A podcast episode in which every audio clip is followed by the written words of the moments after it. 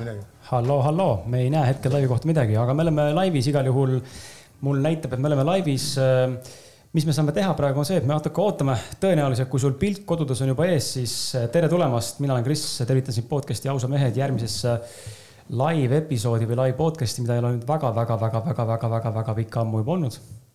pikka aega tähendab ja, ja ma teen sulle siis sellise palve, et anna palun teada kui sa juhuslikult oled juba laivis ja sa meid näed, siis äh, anna teada, kas sa näed, kas sa kuuled ja huvi pärast võiksid kirjutada ka näiteks äh,. jah, võiksid kirjutada, kas sa kuuled ja näed, siis me saame Selleri kohe vaadata. kui meil pop-up ib äh, leheküljele, et me oleme laivis, see võtab natukene aega siin, meie nutitelefonites, ma tean, väikse viivitusega, see võtab aega.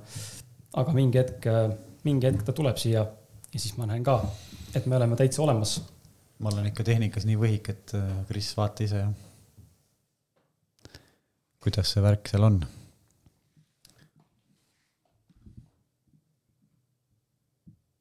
ma ei saa ka aru mm. -hmm. kohe vaatame. mis siin tegema peaks oodata tuleb, teha ei tule midagi, oodata tuleb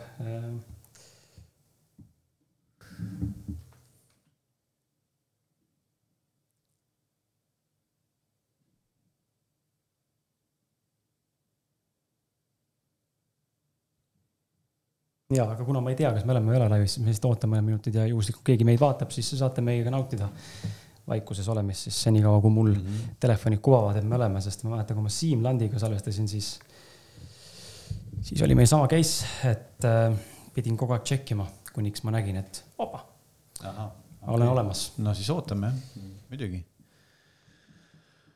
praegu on äh, selles mõttes hea aeg ka oodata, aasta on alles alanud ja kiiret pole kuhugi. just et kolmsada päeva on veel järgi või kolmsada kuuskümmend päeva. viis päeva hakkab otsa saama ja. et äh, võime oodata küll. kontrollin korra sealt ka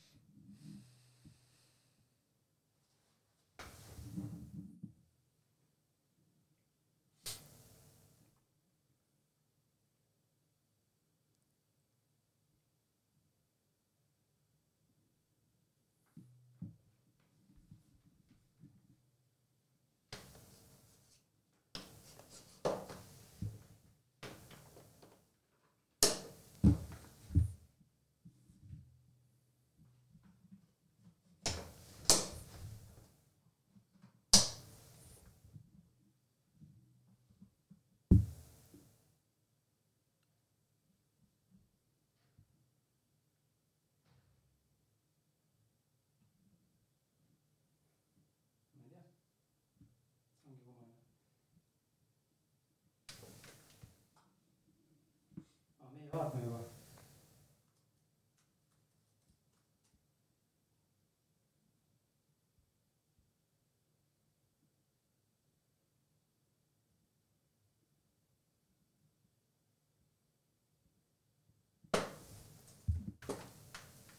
toimib, aga huvitav, kus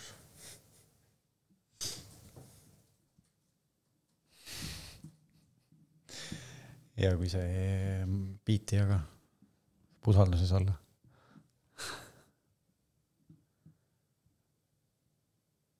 okei. no, ühesõnaga minu elukaaslane ütleb mulle, et. asi toimib ahah, no väga hea. just, nii et äh, nii nagu ma arvasin, et äh, ju siis see lihtsalt äh,, ühesõnaga, me ei peagi aru saama, miks me ei näe seda praegu seal, aga siis refresh ime aeg-ajalt ja vaatame. kõigest ei peagi aru saama, põhimõtteliselt me saame aru mikrobiomist ja soolistikust. siit see tehnika on ju. jah, absoluutselt. okei okay väga vahva, okei okay,, hea küll, mina siis usaldan ja, ja lähme selle peale välja ja kui juhuslikult laivi mingi põhjusel sulle ei kobata, siis järekuulamises sa tead, et meil olid võib-olla tehnilised anomaaliad, aga ühesõnaga, nagu ütlesin, pole ammu näinud, pole ammu kuulnud, meie oleme nüüd siin äh, stuudiosse ennast äh, maha seadnud ja, ja otsustanud äh, sulle selle mõnusa vestlusõhtu täna tuua siia järgneva pooleteise kuni kahe tunni jooksul, kell on kaheksateist null kuus ja me oleme üsna, üsna kohe-kohe alustamas, aga ma käin mõned punktid enne üle, enne kui alustame. esimene punkt nendest on see, et järelvaatamised, järelkuulamised, nagu lubatud, tulevad Kris Kala Youtube'i ja loomulikult kõikide eelduste kohaselt peaks nad tulema nii ausad mehed podcast'i kui ka Senglens Eesti ja doktor Ohira Eesti Facebooki lehtedele pärast ka vaatamist see, need tegelikult laivid toimuvad kõik korraga kolmel lehel. Kõikide eelduste kohaselt, kui tehnika alt ei vedanud, sest kõik klikid on tehtud, nii et kui sulle ausad meeste lehelt ei sobi vaadata, siis mine vaata Ohira või Ohira või siis Senglensi leheküljelt. ja samuti tulevad heli, heli heli, heli, ainult heli ilma videota tuleb ka sulle igale poole siis äh, kenasti kuulamisse või kuulamiseks. ka siin ma annan endast parima. niimoodi pessimistlikult. täna õhtul kell kümme saad juba, nali äh,. pessimistlikult selle nädala jooksul sa selle saad nendes keskkondades kätte ja sulle see äh, ilusti ette jõuab. ja ühtlasi tänane saade natukene on ka teistsugune, ma ei ole varasemalt enda peidus olevat äh, tehnikat, mis siin on, sellisel viisil kasutanud aga see on mõttes olnud kogu aeg korduvalt. täna siis saab helistada meile saatesse. kuidas teile tundub see, kutid? väga põnev. päris põnev. ja, ja mina just ootan väga neid kõnesid, et alati sihuke dialoogi vormis eh, saated on nagu palju mõnusamad kui, kui monoloogi pidada. ja, ja need kõned on niimoodi, et kui taaskord jälle tehnika õigesti eh, käsitleb ja alt ei vea, siis sina kodus peaksid kuulma küsimust meie külaliselt või siis helistajalt tähendab. ja siis meie saame stuudios sellele vastata. ja ja numbri ma hõikan välja õigel hetkel, äh, neid hetki on siin nii mõningad, äh, neid hetki on. ja, ja eks me siis jooksvalt vaatame, kuidas meil see õnnestub või kas õnnestub või kas ei õnnestu. mina endiselt veel vaatan, et seda laivi ma siin jooksmas ei näe, aga hea küll. ja, ja siis, äh, siis nii on. ja siis viima-, ainuke disclaimer on see, et paluks siis numbrile igapäevaselt mitte helistama hakata et ärme kuritarvita seda numbrit, see on meie personaalsed numbrid ja, ja iga päev ei sooviks mikrobiom küsimustele vastata võib-olla aga võib-olla soovime ka. no lähme siis tänaste külaliste juurde ja ma teen väikse tutvustuse nii, äh, nii Maarjuse kui siis ka Sveni kohta ja et sul, hea kuulaja-vaataja, kes meid täna siin õhtul vaatab, tekiks ettekujutus, kellega on tegemist ja, ja mis, mis mehed tegelikult on. Maarjus on aktiivne mees, kes on varasemalt kokku puutunud mitme ettevõtmisega. elu on teda tänaseks toonud siis tehnilisest soojuspumba valdkonnast hoopiski tervisetoodete ja puhastuste maailma. Maarjus on brändis Englens Eesti maaletooja ning annab igapäevaselt panuse Eesti inimeste tervisesse läbi organismi ja keha puhastustoodete ning äh, ütleks ka puhastuste. ja teine härra meil siin, minu paremal käel siis, sinul otsevaates, hea inimene, on Sven Kabanen, kes on siis äh, tegelenud aastaid-aastaid juba doktor Ohira toodete maaletoojana. kas ta on doktor Ohira või doktor Ohira? meie kutsume teda Ohiraks. ma tahaks juba öelda Ohira, kirjapildi järgi vähemalt, aga Ohira, eesti, eesti, eesti keelistame eesti keelistame. Äh, Sveni huvi äh, tervise edendamise suhtes sai alguse isiklikust kogemusest, läbi erinevate informatsiooniallikate jõudis ta teadmiseni, et terve tervis saab alguse soolestikust. tänaseks on ta aitamas Eesti ja lähiriikide inimesi probiootiliste preparaatide levikuga et kõigini jõuaks head kogemused just nimelt doktor Ohira toodetega. ja tänases saates siis, mis meil siin käe sees on teil, äh, räägime mikrobiomist, seedimisest, tervislikust toitumisest, uuest aastast ja sellest, kuidas uue aastaga saab uus sina ning natukene kindlasti ka harjumustest, probiootikumidest ja loomulikult mõlema mehe ehk siis Senglens Eesti ja doktor Ohira Deluxe ja One äh, nii-öelda siis äh, tervisetoodetest, toidulisanditest. tere tulemast, Maarjus ja Sven. tervist tere, tere, tere, Kris. vahva, vahva on siin istuda. tere kõik vaatajad. tuleb põnev saade, nii põnev kohe, et kui ma siin saateväliselt, me siin korra omavahel niisama vestlesime, siis sihuke tunne, et me oleme juba kõik gastroenteroloogid ja mikrobiomi spetsialistid, et kui, kui meile kuulajatele tundub ka täna see, siis on küll väga tore ja kui tundub, et ma ajan mingit jama suust välja, siis, siis tulge ja koputage õlale ja harige meid ka. aga me anname endast parima, et inimesi õigele rajale viia. uus aasta on alanud, täna on kuues jaanuar, vabandust, viies jaanuar, kui me seda laivi teeme. ja õige aeg hakata mõtlema selle peale, et kui sa aastavahetusel seda teinud või eelmise aasta lõpus neid kokkuvõtted aasta mingeid pidepunkte läbi käinud, siis on hea, hea hakata mõtlema selle peale, kuidas siis äh, kuidas siis uus aasta vastu võtta niimoodi, et see oleks terve, tervislik ja, ja sina enda keha eest hoolitseksid, sest keha on tempel ja ilma selleta paraku siin tänases maailmas veel mitte kuidagi ei saa, võib-olla tulevikus saab. aga esimene küsimus, mis ma küsin siis alustuseks äh, teilt ja ma enne, kui ma küsin küsimuse ähm,. küsimus on tegelikult lihtne, ma küsin küsimuse, ma räägin enda loo lühidalt juurde ja siis saate teie rääkida pikemalt enda luguse juurde. küsimus äh, puudutab just nimelt seda, et äh, kuidas siis äh, meie teekond see tervise juurde, et kui me räägime enda tervislikust äh, arengust ja, ja suunast, kuhu me tänaseks jõudnud oleme siia stuudiosse ja teie enda tegemiste juurde, kuidas see teekond olnud on ja, ja mida me oleme nagu läbinud ja, ja kas on alg, alguse saanud ka äh, läbi mingisuguse, ma ei tea, hullult raske nagu tervisehäda või, või vastupidi, lihtsalt sportlik huvi muutuda veel paremaks. Sest minu enda versioon, miks ma selle küsimuse panen siia sisse, on see, et alati ei pruugigi olla midagi sellist, mis on noh, niimoodi raputanud. teinekord küll on ja see on küll viimane piir, kuhu ma tõesti loodan, et meie kuulajad äh, ja vaatajad äh, oma elus sellisesse kohta ei jõua, äh, kus sul on käes noh, sure või muuda, onju, et see on niisugune viimane piir, aga samas teinekord ka seda on vaja. aga minu teekond on olnud selles mõttes pigem sportlik huvi kuskilt on tagataustal kogu aeg olemas olnud ja eelkõige tegelikult sai alguse elukaaslase mikrobiomist, tema seede, seedimisest ja soolestikust. et tal oli probleeme mm, kõhupunnit-, kõhupuhitusega ja, ja kõhukinnisusega kogu aeg ja, ja noh, lihtsalt ei käinud läbi asi ja, ja siis me kuskilt Austraaliast hakkasime puuvilju rohkem sööma ja hakkasime smuutisid tarbima, nägime, et oo see nagu kõvasti aitab, kui esimese hooga tuleb äh, nii-öelda aluseline toit peale, kergem toit läheb peale taimne.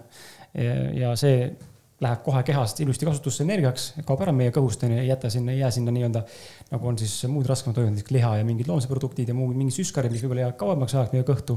et siis ei teki seda puhitust ja sellist gaasi ja sihukest äh, vastikust äh, raskustunnet kõhtu ja siis ta aegnevalt edasi läks ja, ja minu sportlik huvi muudkui kasvas kogu aeg.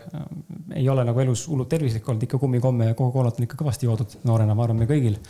vähemalt minul, ma ei tea, Lasnamäel niimoodi oli, kombeks päevi veeta ja, ja õues mängida, et aga nüüd siin vanusest tulenevalt, kahekümnendast eluaastast alates on jah tekkinud see suur huvi.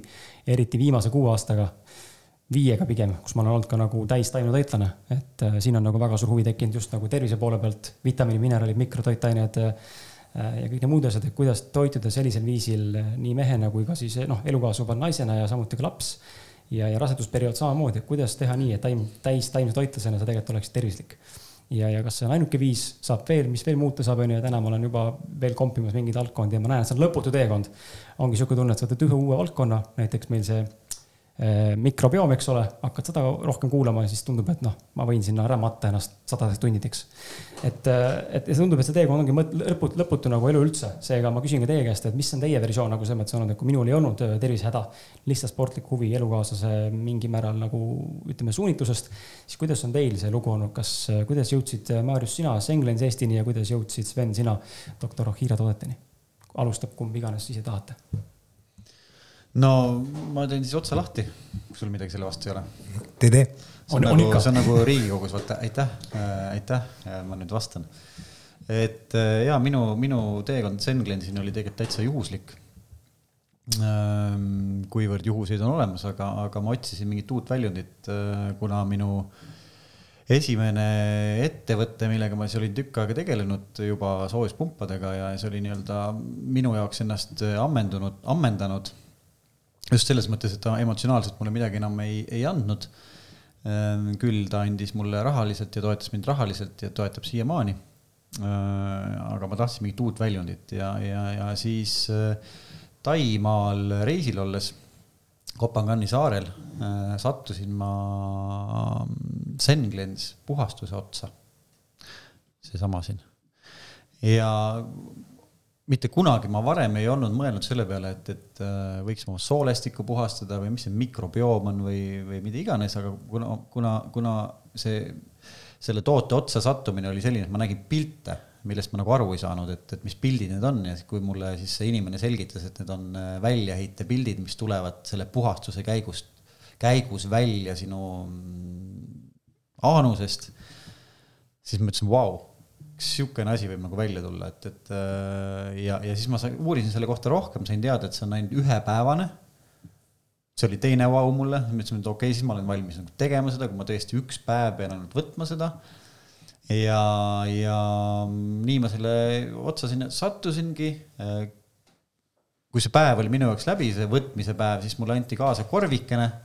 Öeldi, et nii et kui hommikul tuleb häda peale, ära lase potti või lase sinna korvi ja pärast keera see kõik nii-öelda sinna paberi peale, tõmba laiali. Ja siis sa saad täpselt sellesama pildi, mida sa siis nägid.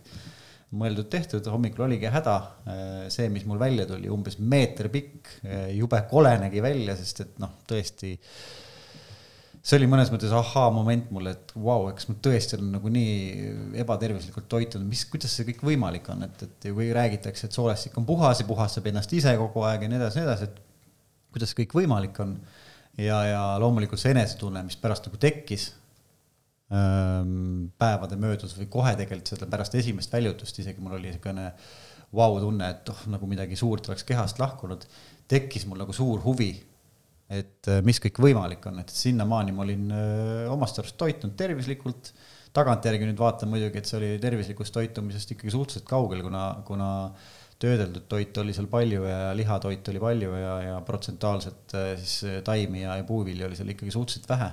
aga noh, tundus, tundus ju tol ajal ikkagi nagu okei okay,, et noh, tervis ei olnud ka nagu halb, küll mul on, oli äh, selleks hetkeks, selleks hetkeks tekkinud küll kehakaaluga mingi probleem, et noh, ma kaalusin rohkem, kui ma oleks tahtnud. Ja, ja ka pärast seda puhastuse tegemist oli siis kuu aega hiljem minu kaal seitse kilo väiksem.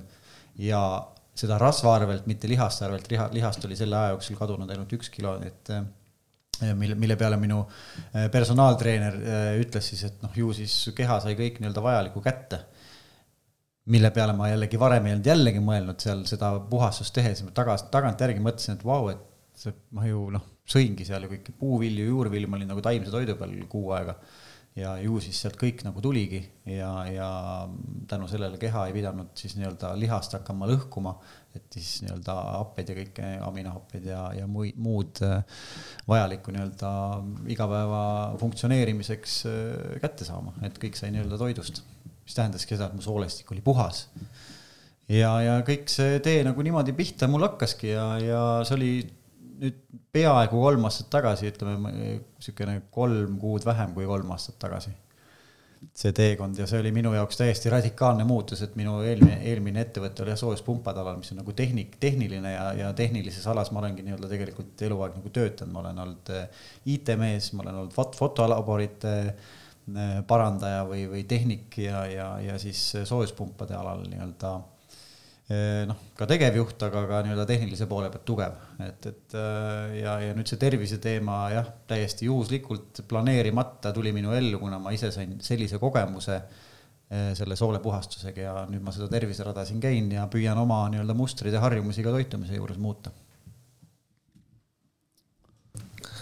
põnev, põnev et äh minu lugu oli veits keerulisem, ehk siis äh, äh, algaski see pika pihta mu terviseprobleemidega. nagu öeldakse, ma olin lihtne poiss mm -hmm. ehk siis mul, ma ei teadnud tervist mitte midagi ja elasin nii, nagu arvasin, et mulle meeldib ja äh, ja et minuga mitte midagi kunagi ei juhtunud. ehk siis ma olin suht noor, tegelikult hakkas see pihta, ma arvan, kahekümne kahe aastaselt, täna ma olen kohe kolmkümmend viis ja see saaga kestis, ma arvan, neli-viis aastat, kus ma käisin arstide vahet ainult mm. et äh, ma käisin läbi kõik arstid põhimõtteliselt, erialaarstid, lõpuks oli niimoodi, et mind saadeti psühholoogi juurde, psühhiaatri juurde, sest et nad ei teadnud, mis mul viga on. Äh, lõpetasin haiglas, urineerides verd ja nädal aega olin sees, lasti välja, öeldi, et sa oled noor poiss, et äh, olin ühe siidriga joonud, vist oli jaanipäev, kui ei eksi, sest ära rohkem siidrit joo ja saeti minema. ja, ja siis äh, kuna need probleemid ei, ei kadunud, siis ma mõtlesin, et äh, mul ei ole muud varianti lihtsalt, et ma pean hakkama iseendale selgeks tegema, kuidas meie keha toimib ja mismoodi see kõige paremini korda võimalik oleks saada. ja ma hakkasin uurima, kuna meil on täna tore asi nagu internet siis äh, guugeldasin ühes kohas, teises kohas, käisin läbi igast foorumeid, asju, mul hak-, äh, vaatasin videosid, lõpuks hakkas mul nagu pilt selgeks saama, et äh, number üks üldse, kust peaks alustama, on tegelikult soolestik. see on meie kõige suurem immuunorgan ja kõik toimub seal. ja siis ma alustasin selle puhastamisega, järgmiseks võtsin probiootikumid, mõtlesin, et neid on kindlasti vaja, proovisin erinevaid, ma ei tundnud mitte mingit toimet ja siis ma uurisin probiootikumide osas edasi ja ma leidsin sellise asja nagu doktor Ohira, seal oli siis kirjeldatud kogu see protsess, et kuidas see toodetud on, mitu aastat selleks on läinud, kuidas need kõik koostisained on saadud, nii edasi, nii edasi, onju, ja see kõnetas mind. ma lugesin tagasisidet, neid oli tuhandeid üle maailma ja ma mõtlesin, mul ei ole kaotada mitte midagi. ja siis ma tellisin need Ameerikast ja kuskil kolm esimest päeva võtsin siukest löökannust viis tükki, mul olid kuuma-külmalained, mul oli paha olla, põhimõtteliselt olin nagu sihuke natuke zombi, et väga ringi ei liikunud, aga selleks hetkeks ma olin väga teadlik, mis asi on tervenemiskriis. et äh, tegelikult mul oli tervenemiskriis peal ja peale seda hakkasid äh, asjad juba paremaks järjest minema, mul tuli energia tagasi, mida mul üldse ei olnud. mul olid erinevad nahaprobleemid noh, see kõik oli soolestikus, ma ise arvan, et mul oli pärmseene ülevohamine täielik, sest immuunsüsteem oli maas täielikult. ma sõin äh, igasugu erinevaid ravimeid, mida üldse ette võib kujutada. üks arst andis ühte, teine andis teist, vaatas, ei tööta, võtame järgmise ja käisid niimoodi mööda arste. et äh, põhimõtteliselt see oli minu tee, kuidas ma nende, nende toodeteni jõudsin sealt läks veel muidugi mitu aastat mööda, siis ma olin juba tagasi Eestis, enne ma elasin välismaal. ja ma mõtlesin, et äh, hakkasin neid tellima jälle Ameerikast, et teeks ühe kuuri ja siis ma mõtlesin, miks ma neid tellima peaks, et äh, ma uurin, äkki ma saan neid nagu siin levitada, et mul on niivõrd hea kogemus lihtsalt taga ja et kui see minuga tegi seda, siis. äkki teeb teistega ka. just, et äh, tegelikult mul oli niimoodi, et ma ei kahtlenud isegi, et see teistega ka teeb seda. mul oli täpselt sama küsimus, et kui minuga tegi, et äkki teeb teistega ka, aga samas oli kahtlus, et äkki ma olin ainuke loll kellele mõjus, vaata. ja, jah, aga mina olin igatahes kindel ja veendunud selles, et äh, see, mis ta minuga tegi, kindlasti teeb ka teistega. ja alguses see läks väga vaikselt ja hakkas järjest kasvama ja noh, nagu me teame, kui asjad hakkavad kasvama, meil on vaja äh, vahendeid, rahalisi ja nii edasi ja siis oli vaja laene ja asju võtta, mul oli väga mitmeid inimesi, kes ütlesid, et sa oled hull peast, mida sa teed, et milline risk ja nii edasi. ja mäletan mu vanast ajast seal keegi kuskil oli öelnud, ma nimesid ei tea, mulle öeldi lihtsalt, et Kaban on hulluks läinud, tegeleb mingite kapslitega no.. et minu jaoks oli see nali, sest äh, mina teadsin, millega on tegu nagu ja mida see minuga tegi ja hiljem need äh, samad inimesed on tegelikult ka meie kliendiks hakanud, et Äh, järjest rohkem inimesi saab sellest aru, kui vajalik ja oluline on oma mikrobiom korras hoida. Et see oli põhimõtteliselt minu tee, see, see, ma ei tea, kaua meil aega on, ma võin seda veel peenemalt rääkida, siin oli niisugust maagiat ka veel hästi palju sees. ma haaran korra siit sisse selle, et sa arvasid, rääkisid sellest, et soolestik oli äh, nii-öelda tuksis, aga kõigest nendest äh, ravimite kogusest, noh, ka maks ilmselt Äh, tõenäoliselt kannatas jõuliselt. ma arvan küll, jah. ja, ja ma tegelikult, mis ma tahtsin kinni võtta, et sa ütlesid, et äh, sa selleks ajaks olid teada, mis on tervisekriis mm. -hmm. äkki sa oskad sõnastada seda mõne lausega, mis see on, sest mina kuulen, esimest korda kuulen seda terminit. tervisekriis ongi see, et äh, enne kui hakkab paremaks minema, läheb meil hoopis halvemaks mm. -hmm. see tähendab seda, et enamus inimesed ka tegelikult, kes ei ole teadlikud, nad ehmatavad ära Äh, näiteks äh, kindlasti võib juhtuda seda Sencleansi ja Ohira toodetega inimestel, eriti just nendel inimestel, kellel on tõsised probleemid, mida tõsisemad on terviseprobleemid, seda suurem tuleb tervisekriis. Ja tavaliselt inimesed ehmatavad selle peale ära, et hea oleks, kui nad sellest teaksid, et tegelikult see on positiivne märk, mis juhtuma hakkab.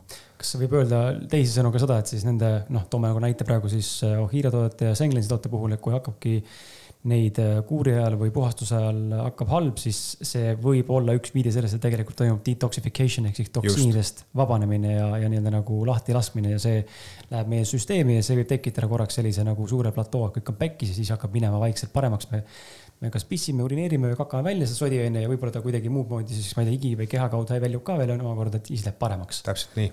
ehk siis see puhastuse loomulik protsess. jah ja ja, ja noh, just, et ikka inimesed on erineva tundlikkusega ka ja need, kes ongi tundlikumad, need võivadki tunda seda nagu tugevamini.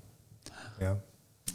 okei okay,, aga, aga oih, räägime korra selle, selle poole pealt ka, et äh, okei okay,, teie teekond äh, oli, on, on nagu selles mõttes olnud, sul oli pigem sportlik huvi, sul oli konkreetselt tervisehäda, onju, minul samuti sportlik huvi, aga äkki toote mõned näited, et mis nende, kuna, kas sa, Sven, mäletad, mis oli sinu esimene Ohira toode, mis sa tegelikult proovisid?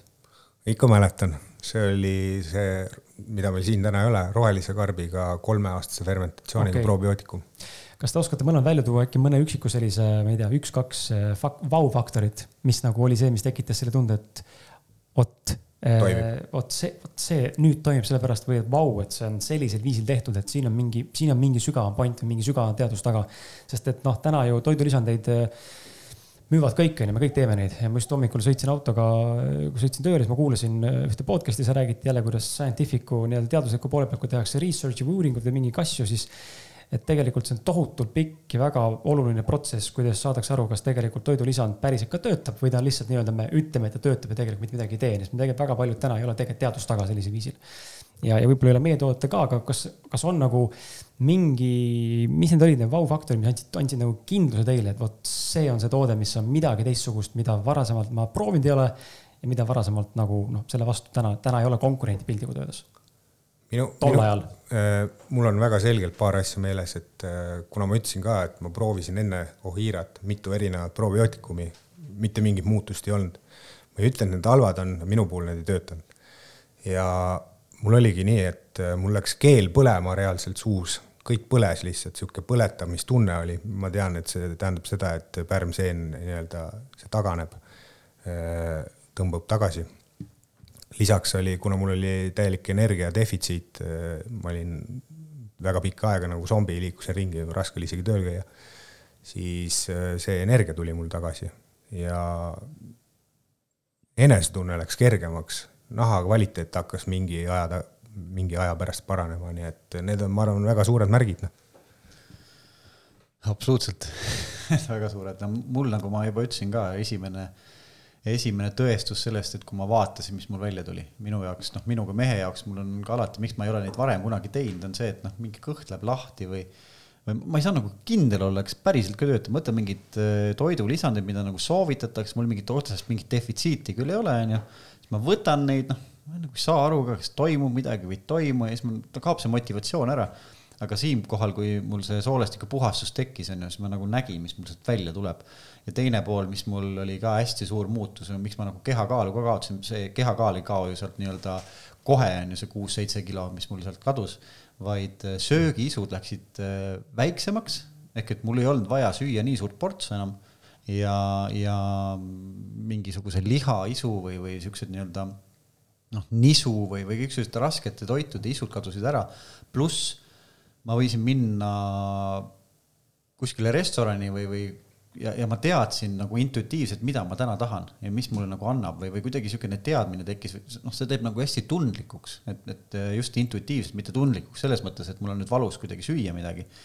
vaid, vaid just selle koha pealt, et ma tahan nagu seda süüa või, või ma seda ei taha kindlasti või, või need, need kolm asja ma tooksin nagu esimesena välja, mis minul nagu tekitas seda vau-efekti, mille peale ma mõtlesin, et, et ma pean nagu oma sõpradele ka tulema ja soovitama seda, et, et vaatama, kuidas nagu neile mõjub jube kahju on, tulen korra siia teemast korraks välja, kahju on see, mul ei näita, kujutate ette, head inimesed, meil ei näita ükski leht, et oleks laivis, näitab, et happening now, aga ma ei, ma lihtsalt ei näe, et siin midagi toimuks, et tegelikult ma tahaks nagu inimeste chati ja kommentaariumi ikka näha, saaks äkki mõned küsimused võtta vastu ja nagu, nagu näha, et toimub, aga igal juhul võite kirjutada, selles mõttes pärast saab tagantjärgi lugeda, et andke teada, kas teil on ka mingeid kogemusi olnud toidulisanditega. aga teeks esimese selle vooru just selle koha pealt, et ma hõikaks selle tänase numbri välja siia ja see on praegu hea viis, kuidas katsetada meie jaoks, kas meie äh, video helipilt töötab, et äh, kui te numbrit kuulete ja meile helistate, siis suure tõenäosusega see live ju töötab. ja kui meil kõnesid sisse ei tule, siis me vist võime eeldada, et ikkagi ei nähta meid, kuigi mu elukaaslane kinnitas, et ta näeb ja kuuleb meid, seega igaks juhuks äh, mul süda ei saa enne rahu, aga number, mille olen välja hõikanud, te võite helistada meile, küsida mõne küsimuse, ma ise lähme samale edasi ja siis äh, võtame teie küsimused tuimalt vahele.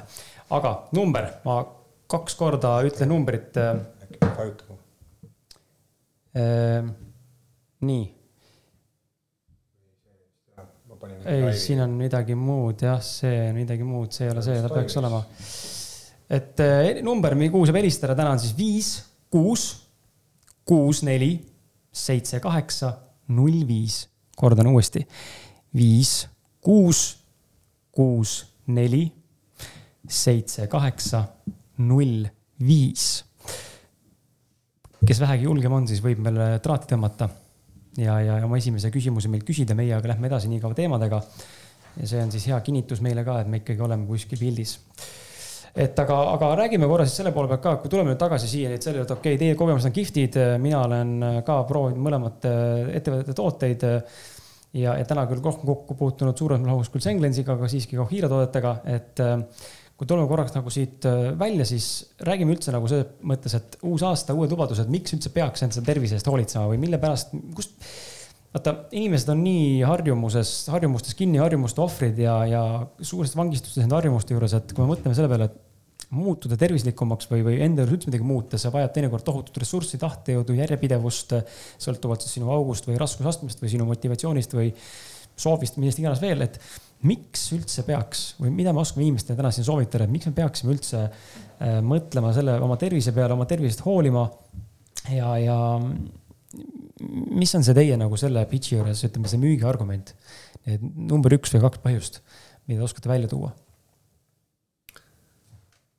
Mina isiklikult arvan seda, et äh, tervislik eluviis on äh, see on, sul endal on hea olla lihtsalt ja mida parem sul olla on, seda paremini sul läheb ka, et see on igas eluetapis, annab tunda.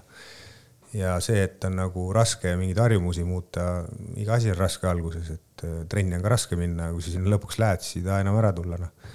et äh, see on lihtsalt sihuke väike nagu klikk, sa pead selle ära tegema ja siis see muutub sinu normaalseks igapäeva osaks.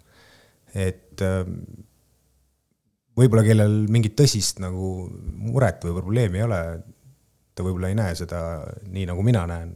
mina nägin seda läbi oma probleemide, aga hiljem ma sain aru, et igapäevaselt nagu enda tervise eest hoolt kanda on mõistlik, noh. sest ma lihtsalt, ma suudan rohkem teha, mul läheb eh, igas elu, eluetapis nagu oluliselt paremini. et miks mitte, noh. No mis ma oskan lisada, ma põhimõtteliselt on ju kõik õige, mida Sven rääkis, aga ma olen, Kris, sinuga nõus, et, et tõesti, kui kui ei ole seda motivatsiooni võib-olla tervise, tervis nagu töötab, on ju, kõik on nagu okei okay,. olen ju no. noor ka ja, ja meeldib süüa ja tina panna ja tegelikult nagu midagi hullu pohmakaid nagu ka ei ole, on ju, et noh, et miks ma siis muutuma üldse peaks või, või noh, selles mõttes ongi nagu küsimus on ju, et, et miks, miks ma pean, mul on ju hästi nii nagu on ja inimesed teadupoolest, nagu me teame, muutuvad siis, kui neil ikkagi vaja ja mingi motivatsioon tekib.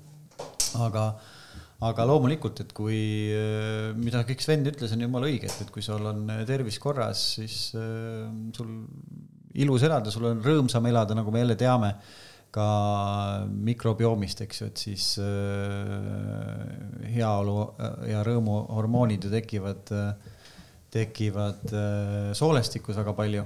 Ja, ja sealt tekib ka nii-öelda siis niisugune positiivne vaade maailmale, et, et et kui noh, tihtipeale või, või, või teadus on ka selle nii-öelda kindlaks teinud, et need inimesed, kellel on seedimisega probleeme näiteks, äh, kas tal on siis kõhulahtisus äh, krooniline või kõhukinnisus, need on ka tavaliselt rohkem sellised ärevad, äh, stressis, neurootilised, ehk et kõik on seal nii-öelda sealt, seal kinni ja, ja me ei taha ju olla stressis ega neuro-, neurootilised, eks ju, aga noh, ma arvan, et ongi, see muutus tuleb siis, kui me tunneme, et kurat, et mul on ikka jama elada nüüd niimoodi, ma tahaks nagu midagi muud. ma ütleks nagu jah, niimoodi, te tšekite, kas ikkagi on laivis, jah täna tegelikult on mul, mina saan näiteks üldse teistmoodi aru, ma vaatan seda, et kui mu ütleme, elustiil ja toitumisharjumused lähevad nagu ebatervislikuks, on ju, ajad kräppi sisse ja nii edasi, et siis ma saan aru, et mu bakteriaalne kooslus on muutunud.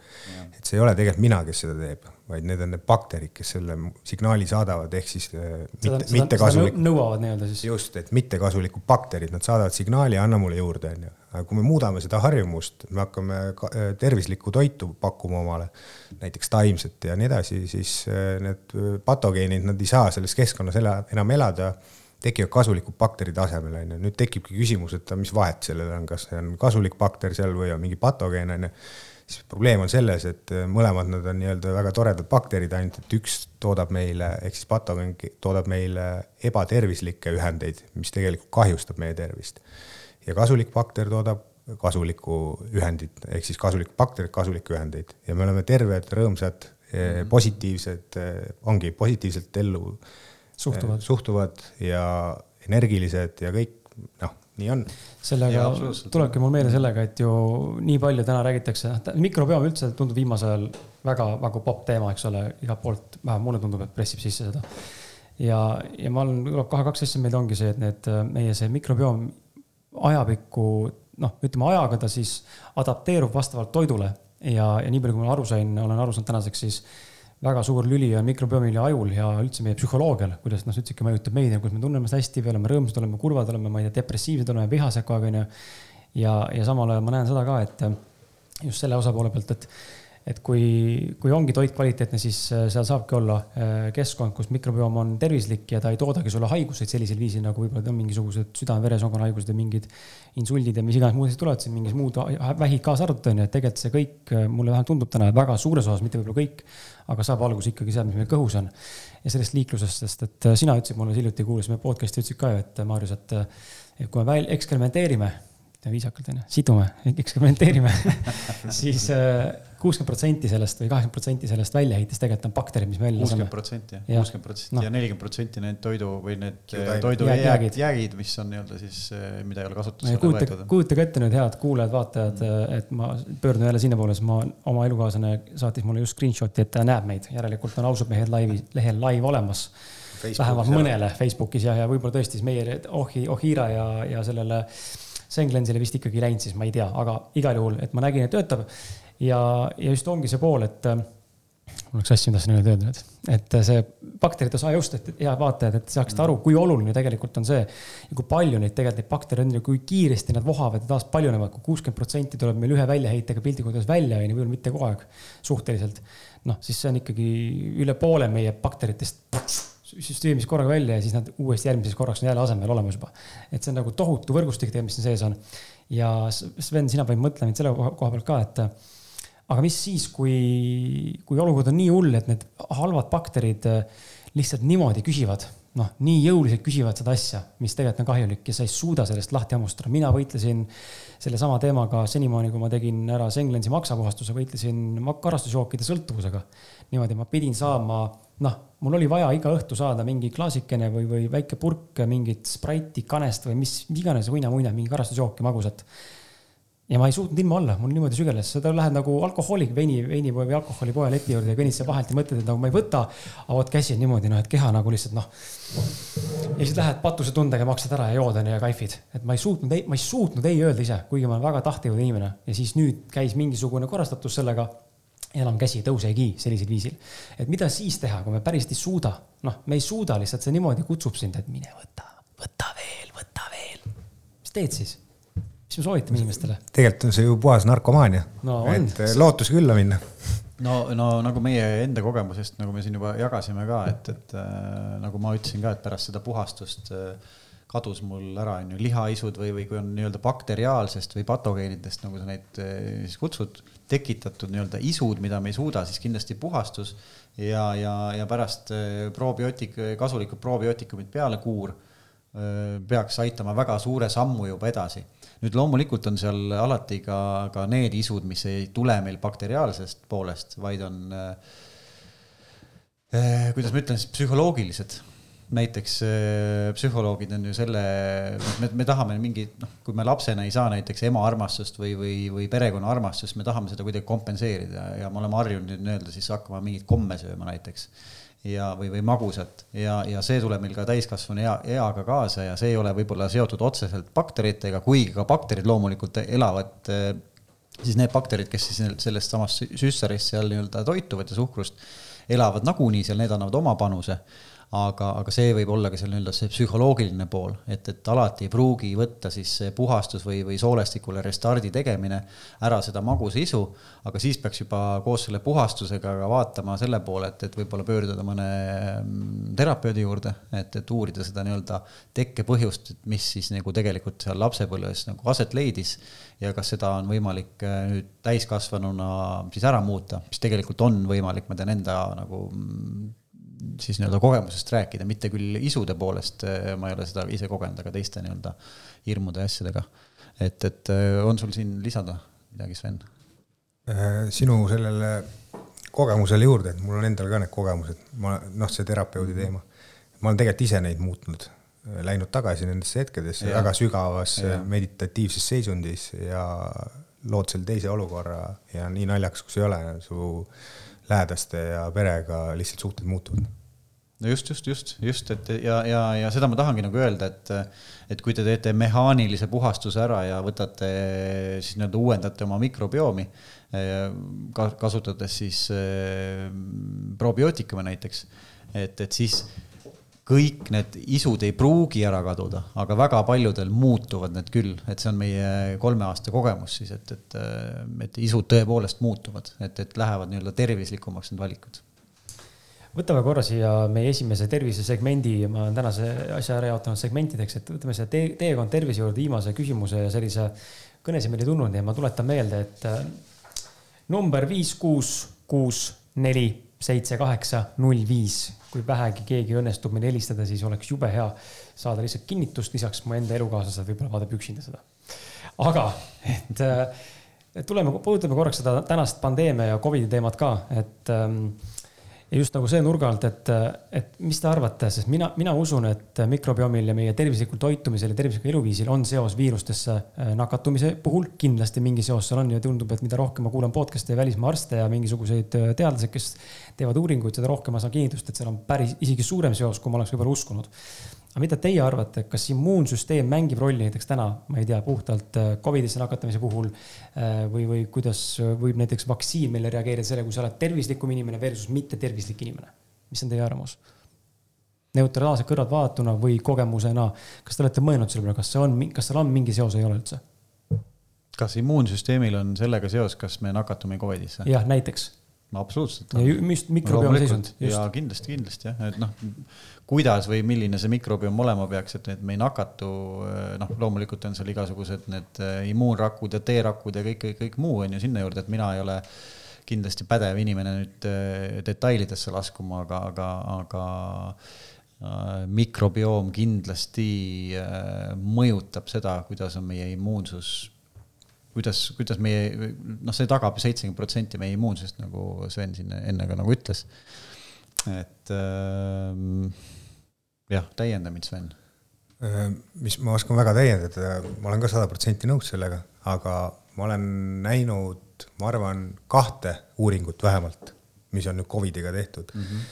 ja seal on räägitud mikrobiomi olulisu või tähendab sellest, kuidas Covid näitab, et mikrobioomil lööb sassi kõhulahtisused, asjad ja soovitatakse kindlasti probiootikume, siis oligi D-vitamiin, C-vitamiin ja tsink vist mm. -hmm. et noh, need uuringud on olemas, hiinlaste omad olid need minu arust mm. -hmm. hiljuti siin meil liikus turun, läbi turundusjuhi üks veel. võin teiega jagada hiljem. kui vähegi meelde tuleb, siis me Ei, paneme, paneme need äh, linkidena saadete kirjeldustesse üles, saate ise lugeda. ja, aga üleüldiselt ma tahaks võib-olla rääkida sellest nagu noh, filosoofilisest või, või sellest nagu tekkeprotsessist, eks ju, inimene on siin ikkagi suhteliselt nagu hiline tegelane mm -hmm. siin mhm. maakeral. Kõik see, need bakterid, seened, kes meil on sees elavad, äh, viirused, noh, neid on meil kõik ja neid on meil sada triljonit üle, üle keha, nad katavad meid mm -hmm. nii soolestiku seest kui nahalt, igalt poolt, niisuguse vaibana, eks ju meil igal pool on neid baktereid ja, ja kui sa äh, võtad jäme soole, siis jäme sooles äh, on nii palju baktereid, et kontsentratsioon on nii suur, et kui sa võtad ükskõik millise, kui räpase asja nii-öelda kuskilt väljaspoolt, et siis seal ei ole nii palju baktereid, kui meil on mm -hmm. jämesooles. ehk et seal on väga palju ja, ja see juba tõestab seda, et, et bakterite elu on meie arengus, et kuidas meie inimesena üldse arenesime selliseks, nagu me oleme, väga suur roll ja, ja neid nagu alahinnata, me lihtsalt ei teadnud varem seda, et, et see, et mingid nii palju baktereid meil seal sees on, me võisime aimata, aga tegelikult ja teadlased said sinna jälile alles kahe tuhande kuuendal aastal, kui nad suutsid, kui tuli nii-öelda selline masin, kus nad saad, said tõepoolest hakata uurima väga detailselt erinevaid baktereid, kui palju neid on. ja, ja hästi kõnekas fakt veel, kuidas siis nii-öelda bakterid teevad koostööd meiega Äh, on näiteks äh, fakt, et rasedal naisel, mulle hästi meeldib see, rasedal naisel, kellel, kellel hakkab kolmas trimester, hakkab nii-öelda kõht ette tulema juba tugevamalt, siis äh, mikrobioom muutub sarnaseks sellise, sellise, selle inimesega, kellel on teine diabeet. Aga mis see teise, teise diabeedi bakter, nii-öelda bakterite kooslus teeb, on see, et ükskõik, mida sa sööd, nad hakkavad hästi intensiivselt rasva kõrvale panema aga mõte on selles, et vaata naistel hakkab ka siis puusadele, tagumikule, igale poole nii-öelda hakkab äh, rasva tekkima.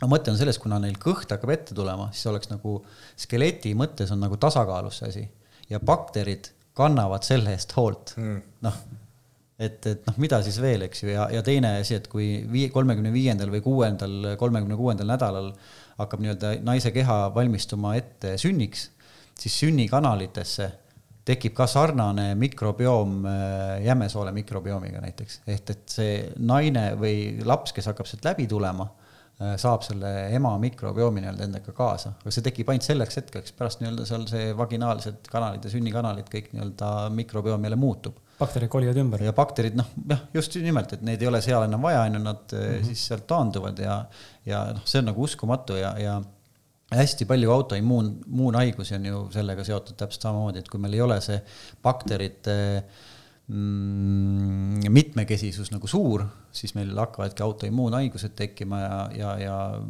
kui vaadata viimast kahtekümmet aastat, siis autoimmuunhaiguste tõus on ikka metsik mm -hmm. rahva, rahvastikus üldse, et, et see äh, on ilmselgelt otseses seoses. Need on, no Need on huvitavad mõtted ja need näitavad minu, minul isiklikult näitavad, et äh, mikrobioom on ülimalt, äh, ülimalt oluline ja, ja oluline, väga oluline teema, millega, millele tähelepanu pöörata, millega tegeleda, aga, aga oskame veel äkki välja tuua siin äh, kolmekesi mingisugused olulisemad bakterite eesmärgid, rollid, mis te näinud olete, mis te kuulnud olete, kasvõi enda tootest lähtuvalt, et mida te teate, mida noh, miks mul neid baktereid üldse vaja on, kas üldse saab eksisteerida hetkel, kus ma väljutan või likvideerin kõik bakterid, tapan kõik bakterid no,? või, või, või võtavad halvad bakterid täitsa üle, siis noh, siis ongi ainult halvad bakterid või, või on mingisugune. siis on surm. siis on surm. nojah äh,, jah, noh, jah, bakterite mitmekesisus on see nagu võti äh,. et mida mitmekesisem on mik mikrobioom, seda, seda tervemad me ja paremat elu me elame äh,. mis ma veel tahtsin, aa tahtsin rääkida ka sellest, mul ei tule kahjuks, mul on keele peal, aga üks, üks maailma üks juhtivamaid geneetikuid, ähm, pärast saame sinna alla kirjutada ka selle, selle nime. kuulasin tema, tema podcast'i ja, ja tema rääkis sellest, kuidas noh, tema on uurinud hästi pikalt kaksikute elusid ehk kes on nagu geneetiliselt väga-väga nagu sarnased ja, ja peaaegu identsed, eks ja, ja isegi nad, noh, näod on sarnased, nad joovad samamoodi mingit asja, eks noh, nende liigutused on sarnased, kõnnak on sarnased, kõik, kõik, kõik. aga paraku on nii, et eh, tihtipeale, et üks eh, kaksik läheb paksuks, teine ei lähe. üks saab vähi, teine ei saa, üks on eh, diabeet, teine, teine ei ole, üks elab rõõmsat elu, teine on kurb ja, ja, ja hästi paljud geneetikud püüdsid nagu aru saada, et milles nagu asi on või kus kohas see nagu, noh, nad on DNA poolest nagu väga-väga sarnased mm. -hmm miks siis nagu nii läheb? ja ainuke asi, mida nad eh, suutsid nagu eristada tugevalt, oli äh, soolestiku bakterite kooslus. ehk et see nagu väga tugevalt erines nendel, et siis äh, kuidas siis üks kaksik siis tekitas mingisuguse haiguse enda kehale ja teine elas nagu väga tervet elu, et, et siis mikrobioom oli soolestikus erinev ja, ja see see, see, see geneetik siis, kes oli nagu tohutult teinud teadustöid ja, ja neid äh, lansseerinud, vist ta ütles, et tuhat kakssada mm, nii-öelda science paper'it on ta nii-öelda siis äh, välja andnud. see ajendas teda äh, muutma oma nii-öelda siis seda uurimise mm, valdkonda ja ta nüüd enam ei ole, ta on endine geneetik ja nüüd ta uurib väga tugevalt siis mikrobiomi mõju inimestele. Mul tuleb lihtsalt meelde, ma kuulasin ka ühte episoodi, mis sinuga oleme koos neid paralleelselt kuulanud, mul tuli lihtsalt meelde, et sa mainiti sedasama asja, et inimese DNA koosneb, seal toodi välja nagu uuringute järgi, et mikrobiomi uurides siis tuli välja, et põhimõtteliselt meie DNA ligikaudu üheksakümmend viis protsendi pluss ulatuses on tegelikult bakteritest, et see üks, see mingi olematu protsent on tegelikult geneetika meie vanematelt ja nii inim nagu nii-öelda siis loomus või, või nagu nii-öelda järglaste poolt. et bakterid moodustavad meie DNA nagu suurema mahu mis, mis mind pani mõtlema nagu, et holy shit. ei noh, see on loogiline, vaata nagu ma ütlesin ka, et, et inimene on arenenud pärast baktereid ja bakterid mm -hmm. olidki esimesena, see kõik hakkas juba tekkima. Ja, ja kuna nad meid, meie, meid nagu katavad ja meid igal pool on need bakterid meie kehal, meie sees, eks ju, igal pool, et, et no, loomulikult nad ju mõjutavad meid, see on ju noh, selles mõttes üliloogiline, isegi kui teadus ei ole veel noh, nii suurt läbimurret veel teinud, et nad tõesti oskavad nagu täpselt öelda, et ahah, sul on selline bakterite kloosus, järelikult sa, sul võib tekkida sellist, sellist haigust, see on kõik uurimisjärgus alles mm. -hmm. oota, miks üks mõte oli veel? ohohoo, no vot, läks vist, läks vist lendu no,. mul siin vahepeal sinu jutuga tuli mingeid asju meelde. et äh, paar asja lihtsalt, me enne rääkisime korra, et toidulisandid nii ja naa, on ju, et paljudel uuringuid ei ole.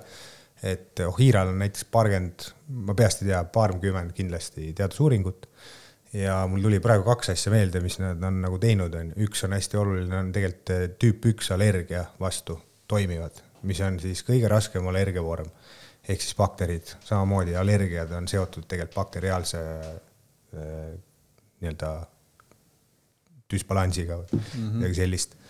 ja teine väga kõva uuring äh, on, ma ei tea, kas te olete kuulnud ei ole, on selline asi, bakter nagu MRSA see on meditsiiliini resistentne bakter ja sellega võitlevad väga paljud haiglad. see on nagu mingi lihasööja bakter põhimõtteliselt mm. -hmm. ja seal nende üks tüvi saab sellega ideaalselt hakkama, neil on mm -hmm. nagu reaalsed uuringud tehtud. et saaks igal pool kasutada, aga ma ei tea, miks seda ei tehta. et siuksed huvitavad mm -hmm. faktid, noh no aga seda on ka hästi palju, ongi, see on väga tugevalt uuringutes ja, ja, ja seda järjest-järjest uuritakse, et äh, see on ju kõik täiesti, noh, ma ütlen, kui kaks tuhat kuus aastal tegelikult saadi nagu võimalus seda täpsemalt uurima hakata, siis sellest on ainult viisteist aastat ja ja, ja, ja kui natuke teada seda, kui kiiresti mingi uuring saab nii-öelda päris ühiskonnas nagu kasutust või, või hakkame nüüd seda kasutama siis äh, kui ma ei eksi, siis on, on see keskmiselt viisteist, kuusteist aastat või kuusteist, seitseteist, midagi sellist, ehk et noh, kui, kui viisteist aastat tagasi hakati alles vaatama, siis tõenäosus, tõenäosus, et meid päriselt hakatakse neid asju kasutama, on võib-olla kümne aasta pärast. ja no vaata, me räägime siin ainult praegu inimese tervisest, et bakterid kasutatakse täna isegi ju äh, puhastusvahendites Mm -hmm. et ja, äh, ja, ja ehituses näiteks ma olen näinud betoonehitised asjad, kuidas bakterid ise, mõrad, asjad kõik teevad korda ehk siis ei pea nagu sellega ka tegelema, et siin ma ei tea, mis ime, mingeid plastikuid ja asju, millega nagu tõsised probleemid maailmas, bakterid töötlevad ümber selle õigesse vormi. ulme, see on nagu, see ongi lõputu, mis, kuhu see kõik viib, ma arvan. et bakterid võivad päästa planeedi, noh. Tõenäoliselt nad päästavadki, nad tegid seda ka ennem. Põhimõtteliselt ongi ainult bakterid vaja, et inimesi pole vaja lihtsalt. või tähendab, mitte planeedi, vaid inimesi, inimese võivad päästa. Plane, ei noh, mis see planeet, planeet ei, temaga ei juhtu midagi, tema tiirleb siin edasi. No,. küsimus selles, kas me saame inimestena siin edasi elada. me rääkisime saate alguses toiduisanditest. Ja just nagu selle nurga alt, et noh, sina tõid välja, et isand mõõte, ei tea, kas midagi teinud, teinud onju, kas töötas või mis ta üldse mulle tõi et äh, kas igakuised toidulisandid on vajalikud. Ja, ja kuidas aru saada, et toidulisand meid aitab? Peale selle, et siis sina nägid, mis sinu jaoks oli märk see, et väljus midagi, mis veel need variandid olevad, lähen veretesti tegema või mis veel, kuidas veel nagu märgata, et toidulisand töötab ja kas neid on vaja iga, igakuiseid toidulisandeid või see pigem on üks suur sihuke business müüt või business haru lihtsalt, mida täna tehakse tohutult? mina tahaks vastata, vastata esimesena. Ja, ja mina arvan, et äh, toidulisandeid ei ole vaja juhul, kui organism tegelikult töötab, me sööme mitmekesiselt, me tunneme ennast hästi, no siis noh, muidugi D-vitamiin on siin äh, selline toidulisand, mida nagu on vaja, sest et toidust on seda tõesti väga-väga raske leida. Ehm, ja, ja toidust siis omandamine on ka keerulisem natuke organismil, aga, aga selleks on siis tilgad aga muidu noh, lihtsalt mingit toidulisandit võtta sellepärast, et, et seda võtta ja äkki see teeb mu olemise paremaks, kuigi ma tunnen ennast hästi, on mina, mina arvan äh,, minu jaoks mõttetu siis, minu jaoks mõttetu. kui ma söön mitmekesiselt, mul on palju juurpuuvilju äh,, söön neid erinevaid, mitte ainult kartul, porgand ja kapsas, eks ju. vaid mul on äkki neid, ütleme seal tüki kolmkümmend või nelikümmend erinevat. natuke liha, kala siis on kõik nagu ju kenasti ja hästi ja käes ja miks me neid toidulisandeid peaks võtma? see, tuleme selle nagu vastuväite juurde, et äh, nii palju, kui ma lugenud olen ja uurinud olen, siis ju veetavalt meie planeet Maa on rohkem pekkis kui kunagi varem, mulla mõttes kindlasti, toit on ju vaene äh,. mahetoodangut äh,, see on ka kaheldav, on ju, kas ta on või ei ole, on ju, et just selle poole pealt, et aga mis siis, kui me tegelikult ei saa toidust asju kätte kas siis toidulisandid on need abimehed või jooksevad ikkagi mööda külge maha? või peaksime leppima paratamatusega, et me oleme tänaseks inimkonnana juhtinud seda planeeti sellisesse kohta, kus emake maa ei suuda enam meile võimaldada tegelikult oma algset kompositsiooni? mina arvan, et või tähendab see, kes USA esindaja tiimis on doktor Ross Belton, ta on nii-öelda teadus sellel board'il. Ta ütles kunagi hästi, ma ei mäleta seda nüüd nii selgelt, aga ta ütles, et umbes kaks inimest on ainult, kes ei peaks tarbima näiteks probiootikume on inimesed, kes elavad kuskil kõrgel mägedes, söövad puhast toitu, noh, põhimõtteliselt mungad, on ju ehk siis seal nad ei saa õhusaastet, nad ei saa neid muid igasuguseid äh, igapäeva, mhm. kõik, mis tuleb, on ju, pluss toidus äh, igast äh, need mm, lisaained, on ju, äh, pluss see töötlemine ja nii edasi, ühesõnaga tema rääkis sellist juttu. aga samas ma olen Maarjusega ka nõus, et äh, kui me tunneme ennast hästi, me toitume hästi, äh, siis milleks et ma tahaks ka ikkagi elada nagu normaalset inimese elu, nii nagu inimene on varem elanud, ehk siis ta elab tervelt oma toidust. aga täna on jah, see väga raskendatud, eriti linnainimesel, kellel on kiire eluviis. Ta käib sealt kuskilt tanklast, ajab on ju kiirelt midagi sisse, eile vaatasin mingit saadet, rekajuhist oli.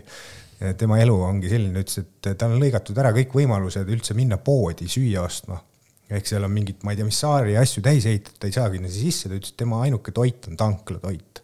tal ei ole võimalust rohkem see oli võib-olla liiga äärmuslik näide, aga lihtsalt jah, inimeste kiire eluviis on võib-olla see, mis tingib selle, et peaks tarbima juurde erinevaid toidulisandeid. Ja, ja selles mõttes ma olen sinuga muidugi nõus jah, et, et äh, hea, et sa selle üles, üles tõid, et tegelikult see maailm, kus me nagu elame, tekitab ju väga palju stressi.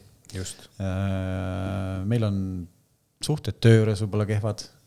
me ei tee seda tööd, mis me tahaks, me teeme seda tööd sellepärast, et see toob leiva lauale võib-olla ei ole kodus kõige paremini asjad oma naisega. ehk et pidev selline nii-öelda stress on üleval ah,, väga tähtis jälle osa, me lähme lõunat sööma, me võtame uudised lahti, kus me näeme siis täna on eriti see aktuaalne, kuidas ühed on vaktsiini vastu, teised on vaktsiini poolt, sõimatakse, siis lähed ise närvi selle peale, nüüd mis mõttes on ju, loed seda mingit artiklit. Äh, see tekitab pidevalt sellist olukorda, kus meie närvisüsteem on sümpaatilises olukorras või sümpaatiline närvisüsteem on aktiveerunud, mis tähendab, et meil on keha valmis võitlema kohe, ehk et meie verevarustus on viidud jalgadesse, kätesse, pähe, et me oleme nagu hästi teravad ja, ja, ja saame kohe võidelda või põgeneda või midagi teha. noh, muidugi loomulikult see ei ole nagu otsene oht, aga meie alateadvus või, või närvisüsteem äh, tõlgendab seda niimoodi. keha, keha elab läbi seda justkui nagu oleks võitlus aga kui, kui verevarustus suurem osa on viidud jäsemetesse ja pähe, siis äh, siseorganid jäävad ju verevarustusest või verevarustuse defitsiiti, et, et noh, see on looduslikult või, või jällegi arengu mõttes nagu üliloogiline, et, et mida sa siin seedid toitu või sööd toitu, kui sind, äh, ma ei tea, lõvi ründab, noh, et ei ole, noh, küll seda saab hiljem teha, vaata, et jookse minema, aga, aga see tänapäeva ühiskond tihtipeale tekitab meile selle pideva stressifooni kus äh, siseorganid jäävadki äh, nii-öelda verevarustus, mitte verevarustuseta, aga selle defitsiiti ja nad lihtsalt ei tee oma tööd nii, nagu nad on ette nähtud, sest et me ju kõik teame, et, et äh, inimene on ju loodud nii, et ta puhastuks ise pidevalt ja see, ja see toimib ka kogu aeg, et kui, kui meil mingi organ, ma ei tea, neerud, maks, soolestik enam ei toimiks, siis on päevade küsimus, kui me oleme jälle surnud, on ju. Mhm.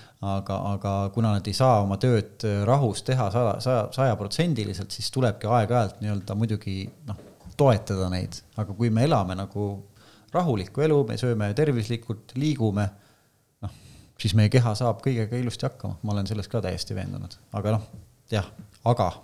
lisa, lisaks ei tasu ära unustada, kui kiireks on maailm läinud ja see läheb iga päev järjest kiiremaks, et see on, see on juba väga suur stressifaktor. ja, ja stressiseisundis, kui ma nüüd ei eksi, siis soolestik peatab oma töötamise põhimõtteliselt no just, et nagu ma ütlesingi, et tal ei ole mõtet ju seal seedida midagi, tal on vaja põgeneda, noh, et, et ja, ja sellepärast ka on ju tehtud ka ju sadu uuringuid meditatsiooni ja, ja ja hüp-, hüpnoosi mõjust mikrobioomile, et see on ka väga huvitav, kuidas, kuidas see nii-öelda parendab ja, ja turgutab siis mikrobiomi jällegi ja et see kõik, kõik on äh, seotud just jah, meie kiire ja stressirohke eluga ja pluss siis noh, sinna juurde siis nii-öelda see äh, processed food või, või kuidas see on, töödeldud? Toit siis on ju mis on ilmselgelt mikrobiomile mingisugust nagu toitu ju ei anna suures hulgas vähemalt, mis on kasulikud bakterid. ma korra veel täpsustan, see Krisi küsimusel oli üks küsimus veel, et kas on vajalikud või on see lihtsalt äri, toidulisandid mm. -hmm. et äh,. mõlemat. jah, et siin on väga suur äri on ka siin ja see on, äh, ma ütleks, mitte aus äri.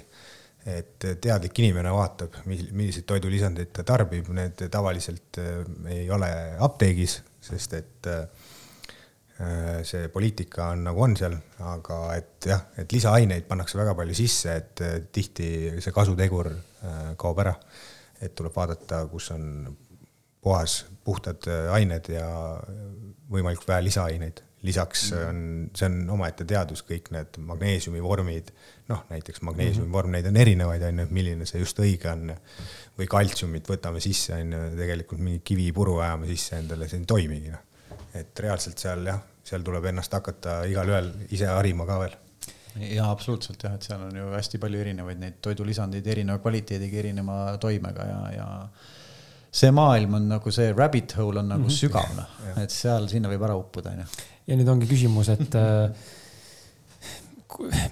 ilmselgelt oleme meie suuremad fanatid siin kolmekesti, kui võib-olla mõni meie tutvusringkond olev inimene. selge see, me uurime rohkem, meid huvitab see rohkem, me tegeleme sellega igapäevaselt. aga nüüd, kui inimesel, inimesed nagu natuke nagu turgutada, kes meid kuulab siin ja, ja samal ajal võtta ka talt seda, hirmu maha või mingit sihukest nagu pseudohirmu maha. et see ongi rabbit hole, see ongi fucking sügav. noh, aga, aga kui sa tahad pinnapealset elu, siis ela pinnapealset elu või tahad sügavat, siis mine otsi sügavust, et mis me nagu, mis, kuidas seda maha võtta inimest, seda, seda tunnet nagu, et oh, seda kõike nii palju, noh. sest et see tekitab ilmselgelt väga suurt stressi inimestes jällegi, uuesti jälle, jällegi, et seda infot on nii palju, kuidas ma sorteerin seda, teadusuuringuid on ju noh, kus ma pihta hakkan, noh. veeb on täis ju asju, noh. üks räägib teist, teine räägib teist, sõber ütles nii ja kurat, treener ütles naa ja mis iganes veel, noh nagu sa ütlesid, see on valikute küsimus, take the blue pill or take the red pill yeah., et ise valid ja kui sa oled selle võtnud, siis hakkab teekond pihta. ehk siis minul näiteks, mul ei ole meditsiiniharidust ja selleks, et äh, nendest toodetest aru saada ja edukalt teistele on ju informatsiooni edasi anda, ma pidin, äh, ma pidin arstide juures käima ja tervishoiutöötajate juures ja nii edasi, seletama neile. ma pidin selleks teadusuuringud läbi lugema, ma ei ole teadusinimene, ma ei ole meditsiiniinimene ja ma lihtsalt korrutasin iseendale alateadlikult, ma ütlesin, ma saan aru, mida ma loen, ma saan aru, mida ma loen ja ma saingi aru, ma sain nagu väga hästi aru, mida ma loen ja ma ise ka imestasin. ja mingeid asju lihtsalt, seal on võõrsõnu väga palju meditsiinis ja nii edasi, teaduses, et lihtsalt neid vaatad eraldi ja saab aru küll. et tahe peab olema, tohutu tahe peab ikka olema, siis ma arvan, me lööme kõigega läbi tuleme toodete juurde korraks just äh, lähtudes äh, teie toodetest, mitte nüüd nendest konkreetsetest ainult, vaid üldse kogu repertuaarist ja, ja toome nagu sisse ka selle ensüümide maailma. Mis asjad on ensüümid? teeme selgeks inimestele, mis asi on ensüüm, mis rolli ensüüm meie kehas mängib, miks teda üldse vaja on, miks peaks teda sisse endale manustama või, või tarbima, mis, ühesõnaga, mis asi on see ensüümimaailm, kuhu me sisse inimene läheb tegelikult? nojah võimalikult rabbit hole, aga, ilma rabbit hole'i. no tegelikult ei ole rabbit hole, aga ta on nagu jah, pikalt peaks seletama, aga põhimõtteliselt ensüüm on see, mis kiirendab ainevahetust. Ja seda mitte lihtsalt natukene, vaid tuhandeid või miljoneid kordi. et ensüümid kui sellised on igas elus organismis, inimeses, taimes, kassis, koeras, ühesõnaga kõik, kõik, kõik on ensüüme täis. ensüümide roll on ka erinev, nagu ma aru saan, sa mainisid, kiirendab igal ens-, igal ensüümil on üks roll mm. -hmm. näiteks kui mingi ensüüm lagund-, teeb esimese lagundamise rasvast äh, nii-öelda, lagundab rasva, siis selleks on üks ensüüm mm. -hmm. ja järgmise astme jaoks on juba erinev ensüüm, ehk et inimese kehas teadlased, see on samamoodi teadlased alles avastavad neid erinevaid ensüüme ja see on nagu, kuigi ensüümid kui sellised said juba äh, Äh, tead, teada nendest saadi nii-öelda siis meditsiinis juba üheksateistkümnenda sajandi lõpus, aga siia, siiamaani noh, nende uurimiseks on tänapäeval tehnoloogia, eks ju. Aga neid ensüüme arvatakse, et on inimese kehas viis tuhat kuni kümme tuhat eraldi, erinevaid, erinevate funktsioonide jaoks. ja nad on iseenesest valgud ja keha toodab neid ise, neid äh, liigitatakse siis põhiliselt on ainevahetuslikud ensüümid ja, ja, ja, ja seedensüümid. aga millest keha toodab neid, seda on, on ka nagu umbes teada või nagu...? Selles mõttes erinevad needsamad, äh, mida, mida me sisse sööme siis. toitainetest. ja toitainetest mm, -hmm. mida me sööme ja sealt tulevad nii-öelda äh, siis üks osa, mida siis keha toodab, on ensüümid, et mm, -hmm. et nii-öelda siis ta toimida saaks niimoodi, nagu me elu täna, täna siin maa peal tunneme. ja nüüd ainevahetuslikke ensüüme täna juurde võtta ei saa. juurde võtta saab seedensüüme ainult ja, ja kui me nüüd seedensüüme peame juurde võtma, siis järelikult meie kehal on mingi probleem ta ei, ta peaks tegelikult ise nagu tootma neid, on ju. Mhm. kas me sööme mingit toiduainet liiga palju, et ta ei suuda toota, meil on nagu pärast halb olla, jääb puhitama, süda läheb pahaks, ei suuda seedida, raske olla. või siis ongi mingisuguse ensüümi tootmine pärsitud teatud põhjustel. et, et siin, siin ma nagu kutsun üles, kui inimesed tarbivad seedensüüme, siis lühiajaliselt on see, võib neid väga-väga palju nagu aidata ja, ja nende olemist nagu kergemaks teha aga, aga see on nagu mõnes mõttes siukse vererõhutableti võtmisega, et, et noh. mina arvan, et siin peaks nagu otsima seda põhjust, et miks siis on mul läinud nii, et ma ei saa mingit toitainet enam süüa. Äh, peaks nagu uurima, et, et äkki me saame, noh, tõenäoliselt taandub see sinna mikrobiomi jälle, et meie mikrobioom on nagu muutunud ja, ja, ja, ja need bakterid siis annavad meile suunavad meie keha nii, et me tegelikult seda toiduainet enam ei sööks. Aga nüüd, kui me seda edasi jahvatame ja võtame lihtsalt toite selle seedensüümi peale, noh, mina ei arva, et see nagu kuidagi nagu hästi mõjub kehale, eks ju, et, et äh, lühiajalised seedensüümid on kindlasti väga nagu head, aga, aga mina nagu kutsuks jälle inimesi nagu üles äh, leidma seda algpõhjust, et miks meie keha on siis sinnamaani jõudnud, et äh, mingite ensüümide puudus on. Ja loomulikult ka ainevahetuslike ensüümide puudus võib tekkida inimesel ja nii edasi, nii edasi, nii edasi. Ja tegelikult on ka, saab süstida neid ensüüme, on loomsed ensüümid ja taimsed ensüümid ja noh, seal, seal on tegelikult väga-väga pikalt äh, saaks, saaks rääkida, aga, aga ma arvan, et ka kuulajale ole võib-olla see nii oluline täna, et, et äh, see läheb juba niisuguseks spetsiifiliseks ja ilmselt ei ole väga huvitav. tahad sa kuidagi täiendada? ja mul on juht, naljakas asi on, et äh, ma tõin kunagi maale sellist brändi nagu Ensümeedica, et ma natuke tean mhm. ensüümidest et seal on, äh, ma tean, terapeutilised ensüümid on ka olemas, ehk siis sa ütlesid, et on seede, seedeensüümid, põhimõtteliselt on samad asjad, aga kui võtta tühja kõhu peale, siis äh, väidetavalt läheb vereringesse. Mul on väga huvitav kogemus ühe ensümeedika tootega kunagi, mis on siis väidetavalt, oota ma mõtlen, mis selle nimi oli. Äh, mingi para, mingi defense oli ja mul oli viirushaigus ja see on spetsiaalselt välja töötatud, ütlebki, et eh, see on viiruste vastu, ehk siis viirus on samamoodi samasugune nagu põhimõtteliselt ensüüm, valk ja ensüüm läheb, ründab teda lihtsalt ja ta lõhub ta ära. Ja siis ma võtsin neid samu ensüüme tühja kõhu peale, kolm tükki korraga, vist iga kahe tunni tagant. Eh, ma olin õhtul lihtsalt niivõrd haige eh, viiruses ja ma ärkasin hommikul üles ja ma mõtlesin, kas see, mis eile oli, kas see oli päriselt või see oli unenägu, mul ei olnud mitte midagi enam lihtsalt mm. ja see oli see see oli see, mis pani mind selle brändi ühe teise sõbraga maale tooma lihtsalt. see, see efekt oli nii ulme. et jah, ja noh, võib-olla kuulaja tahab seda ka kuulda, et äh, näiteks äh, Maarjus siin ütles ka enne, et äh, me saame ensüüme toidust ja me saame, meie enda keha toodab. et toidust me saame ensüüme just nimelt taimedest ja kõik, mis on niisugune värske et kui me tarbime töödeldud toitu, siis saage aru, seal ei ole ensüüme ja see on, see on number üks asi juba, mis hakkab probleeme tekitama. miks meil kehas ensüümide tootmise puudus ükskord tuleb, sest keha, äh, kehal on oma ensüümid, kus, kus ta peab, on ju, lagundama teatud asju, aga see, mis tuleb meile sisse, see nii-öelda taim või siis mis iganes puuvili see on, need ensüümid, mis sealt kaasa tulevad, tema ülesanne ongi tegelikult seesama asi ise ära lagundada nendel samadel ensüümidel, mis kaasa tulevad. kui neid kaasa ei saa, siis me paneme kehale lisakoormuse peale kogu aeg. Öeldakse, et ensüüme meie kehas, mida toodab, on äh,, arvatakse, et teatud arv, et kunagi saavad need otsa, noh, see on niisugune no, nii ja nagu naa. nagu meie varu, varu. just, just, et nagu see saab ükskord otsa ja kui me nüüd äh, paneme seda töödeldud toitu kogu aeg peale, peale, peale, siis äh, võib arvata, kui see on nagu tõsi, siis see saab äh, veel kiiremini otsa, kui see ette on nähtud nojah, et selline arst nagu doktor Hiromi Shinya, kes on gastroenteroloog ja ka üle kaheksakümne aasta vana ja tema on nagu see doktor, kes leiutas kast-, selle aparaadi siis, millega saab teha mm, näiteks polüüpide või kasvajate mm, eemaldamist, ilma et kõhtu lahti lõigata. noh, tema on vaadanud ikkagi kümnete tuhandete inimeste nagu sisse ja temal on hästi huvitav, huvitavat kirjandust välja tulnud ja tema arvab ka, et on olemas selline ensüümi potentsiaal, sest et ensüüme jääb nagu järjest, noh, mida vanemaks inimene jääb, seda vähem, vähem nii-öelda on, eks ju, ja, ja ja, ja ta ütleb ka, et, et mida vähem peab nii-öelda keha kulutama siis seedimisele, seda ensüümi potentsiaali, seda tervemana saab keha hoida läbi siis ainevahetuse meie kiirendada rakkude uuendamist, no mida iganes teiste organite nii-öelda tööd.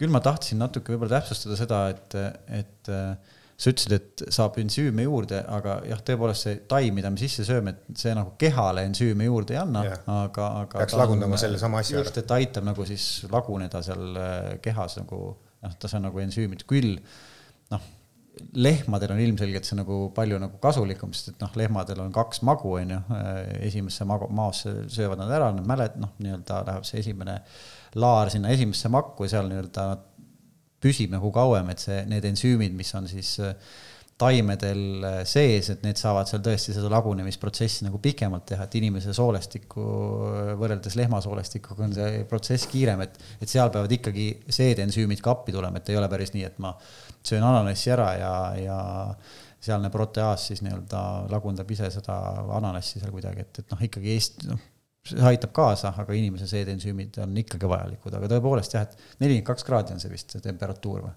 sellepärast inimene surebki selle temperatuuriga, oli vist nelikümmend kaks või kolm. ja, ja siis surma, et ja, ensüümid surevad ära ja siis elu ena, enam ei ole. ja nelikümmend kaks kraadi on veel huvitav ka, et, et paljud ensüümid saavad just oma äh, maksimaalse aktiivsuse mida ühesõnaga soojemaks inimese temperatuur läheb, seda aktiivsemaks muutuvad ensüümid, seda kiiremaks läheb ainevahetus. Ja, ja see on ka üks nagu teooria, et miks inimese, inimese temperat-, kui ta haigeks jääb, siis tõuseb temperatuur ehk et saada nagu kiiremini siis äh, ainevahetus tööle ja sellest äh, viirusest nagu lahti. just selle ja noh, pluss muidugi siis viirus ju ka soojemas kehas nii-öelda ei ole nii elujõuline, et see on nagu, see on ka väga põnev, põnev maailm tegelikult jah lisame siia ensüümide maailma veel ähm, fermentatsiooni.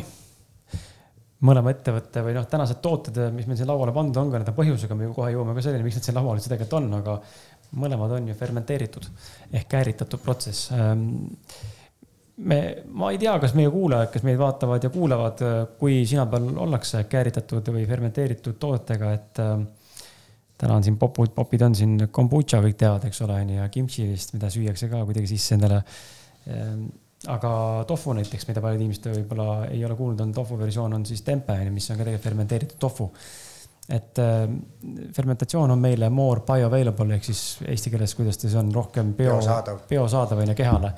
et me omistame sealt toitainet paremini, kõike muud paremini, aga, aga räägime korraks sellest fermentatsioonist, et miks see on oluline ja, ja ma ei tea, kas siis nüüd peaks eraldi võtma fookus igaüks oma elus sel aastal, et tarbima ainult fermenteeritud tooteid eh, või, või jõulisemalt fermenteeritud tooteid, mis võiks see osakaal olla ja mis võib-olla kui oskate rääkida ja kui ei oska, see on okei okay,, aga kui oskate rääkida äkki, millal on õige neid fermentatsioone sisse tuua üldse. ja, ja kas äh,, kuidas see üldse välja näeb, mis tähendab kääritamine, kuidas sa seda panen, panen käärima kodus midagi, mõtlen, et ma ei tea, teen, toon nagu naljaka näite, toon käe, fermenteeritud hurmaad noh, näiteks, et kas, et kas saab kõiki asju fermenteerida või see on ikkagi teatud ainult asjad, mida saab ja mida ei saa? kõike saab. minu arust ka, jah. jah, noh, või kasvõi see Senglensi ju tooted, et seal on äh, Fidexi tootes vist see on see, siis pudelis on ju need ensüümid või vedelensüümid. seal on viiskümmend seitse erinevat taime mm. -hmm noh, millest paljud on puuviljad ja köögiviljad, juurviljad. no just, just, et, et see on kõik fermenteeritud kolme aasta jooksul pikalt, eks ju, et, et äh, pane kõik sisse ja, ja kõik hakkab käärima ja hapenduma ja, ja, ja nii see käib, jah. nii, aga, aga miks on vaja fermenteerida? nagu sa ütlesidki, et ta on biosaadavam kehale, et, et ta on nii-öelda eelseeditud bakterite poolt ja, ja bakterid teevad mingi esimese nii-öelda selle mm, seedimise nagu lagundamise ära, ehk et jällegi sealsed nii-öelda siis need ensüümid juba lagundavad selle aine selliseks, et meie organism saab paremini selle kätte, isegi kuulasin jälle ühte, ühte podcast'i, kus ütles, et ka B kaksteist vitamiini jällegi äh, ei ole teaduslikku tõestust seal taga veel, aga seda uuritakse. et äh, hapukapsast saab äh, tõenäoliselt taimetoitlane selle palju paremini kätte kui, kui lihtsalt nagu noh, me teamegi, et B kaksteist mm -hmm. on see vitamiin, mida on lihtsalt taimetoitlusel väga keeruline omastada. aga arvatakse, et hapukapsast saab selle B kaheteistkümne näiteks palju paremini kätte et äh, kõiki, kõiki muid aineid samamoodi, vitamiinid, mineraalained, et kõik see on äh, siis hapendatud toidul, keha saab, omastab paremini. mis on nii-öelda jällegi sihuke arvamus või, või et, et noh, ma söön nagu hapendatud toitu, et seal on palju baktereid, ongi, seal võib olla sadu baktereid, palju rohkem kui, kui ükskõik millises nii-öelda mm, probiootikumi kapslis aga, aga küsimus on selles, et jällegi teadus ei tea, kui palju ja kas üldse bakterid läbi maahappe nagu jõuavad meil soolestikku. Et me võime seda süüa ja see bakterite kooslus ongi seal hapendatud toidu peal väga kõrge, aga vahepeal on meil magu, mis on väga tugeva happelisusega. kas sealt bakterid läbi tulevad, et seda ei ole mm, teaduslikku nii-öelda sellist kinnitust seal ei ole, seda uuritakse. või äkki sina, Sven, tead selle koha pealt nagu rohkem juba, et sa oled rohkem selle probiootikumide maailmas? ma tean ka, et, et see on suur probleem üldse probioot- mm, -hmm. probiootikumide maailmas mm, -hmm. et, et ei saa nagu seda väga sinna peensoolda kuidagi. aga doktor Ohiral on selle jaoks ju hea lahendus. jah, et see on patenteeritud kapsel, mis siis alles membraan avaneb neljakümne minuti pärast mm -hmm. peensooles. aga rääkides sellest, miks meil nagu fermenteeritud toite vaja on, siis ma lihtsalt räägin sellest tehnoloogiast, ma tean, miks nad seda nagu teinud on ongi see, et äh, mida kauem see fermenteerimisprotsess kestab, seda rohkem bakterid tegelikult selle aja jooksul toodavad kasulikke ühendeid, mida nad muidu teevad ka meie kehas, onju.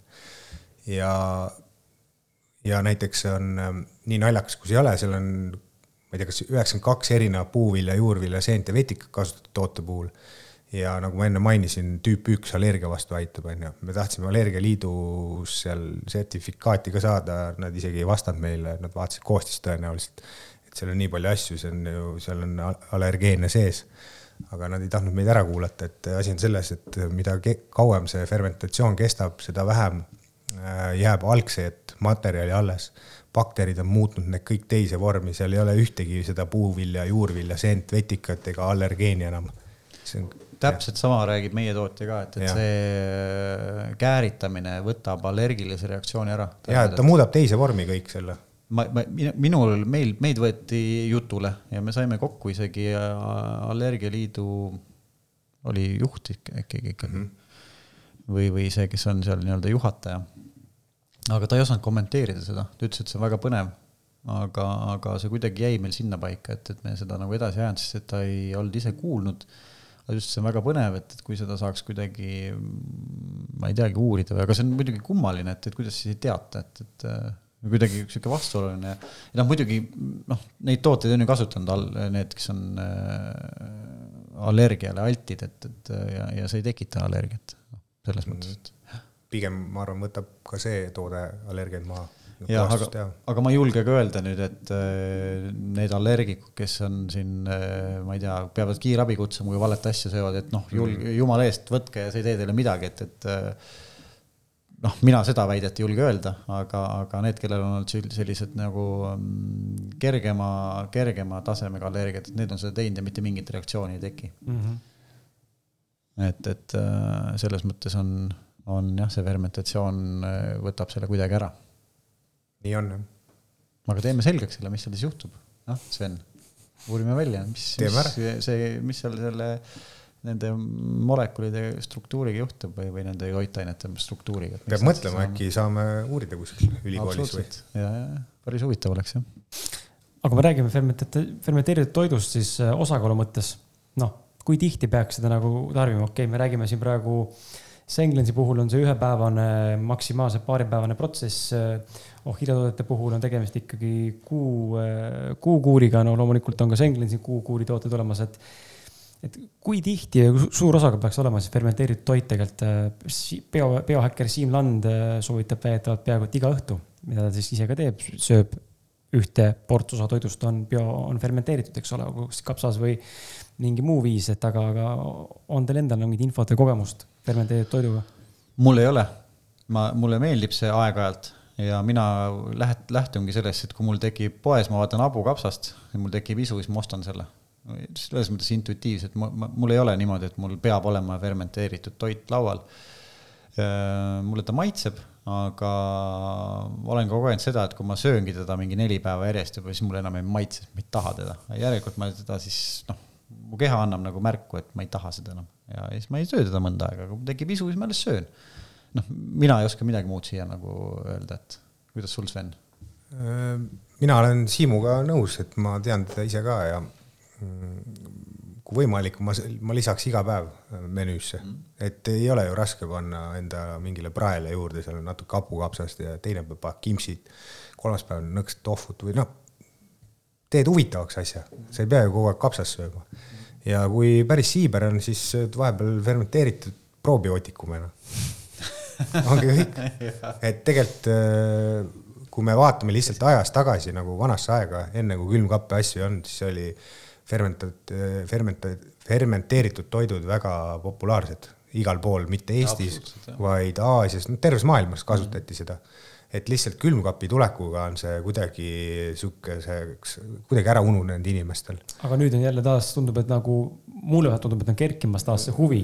no sest tervisehuvi tõuseb ja sellega koos ilmselt ka see kõik tuleb, ma usun mm. -hmm võib-olla tõesti, nii et nii äh, katsetage, hakake katsetama, fermenteerige erinevaid toite, muidugi otsige enne üles võib-olla retseptid ja asjad, kuidas seda õigemini teha ka, et. et ja see poe, poega on väiksed trikid, et sinna pannakse suhkurt ja soola mm -hmm. sisse, et äh, hea on jah, kui saad oma vanemalt, vanaiselt või mingitel memmedelt või kuskilt talust või siis ise teha et oleks õige asi. ja, ja tegelikult ise fermenteerida, ise kääritada on kõige parem mõte, sest et sinna satuvad siis elama ka just needsamad bakterid, mis on sinu kehalt pärit mm. -hmm. ja seal nad paljunevad ja, ja need on sinuga kooskõlas nii-öelda, ei tule kuskilt võõralt sisse neid äh, baktereid, millega siis sinu mikrobioom peab siis kuidagi kohanema või, või kurat seda teab, kui kui võimas see väljast tulnud bakter on, on ju. kuigi, kuigi tegelikult fermentatsiooniruumid ka hästi huvitavad, ma käisin seal Taiwanis tehases ju ja fermentatsiooniruumid eh, peavadki olema nii-öelda võõraste bakterite vabad, nii et sinna nagu sisse minnes oli ikkagi nii-öelda siukene skafander, skafander, eh, mitte päris, aga ikkagi desinfitseerimine, värgid, maskid nagu noh, meil siin praegu on ka toidupoes. aga siis olid nii-öelda ikkagi need päris nagu tugevad maskid ees, et ei satuks sinna nii-öelda võõras bakterit, sest see hakkab seal kohe levima.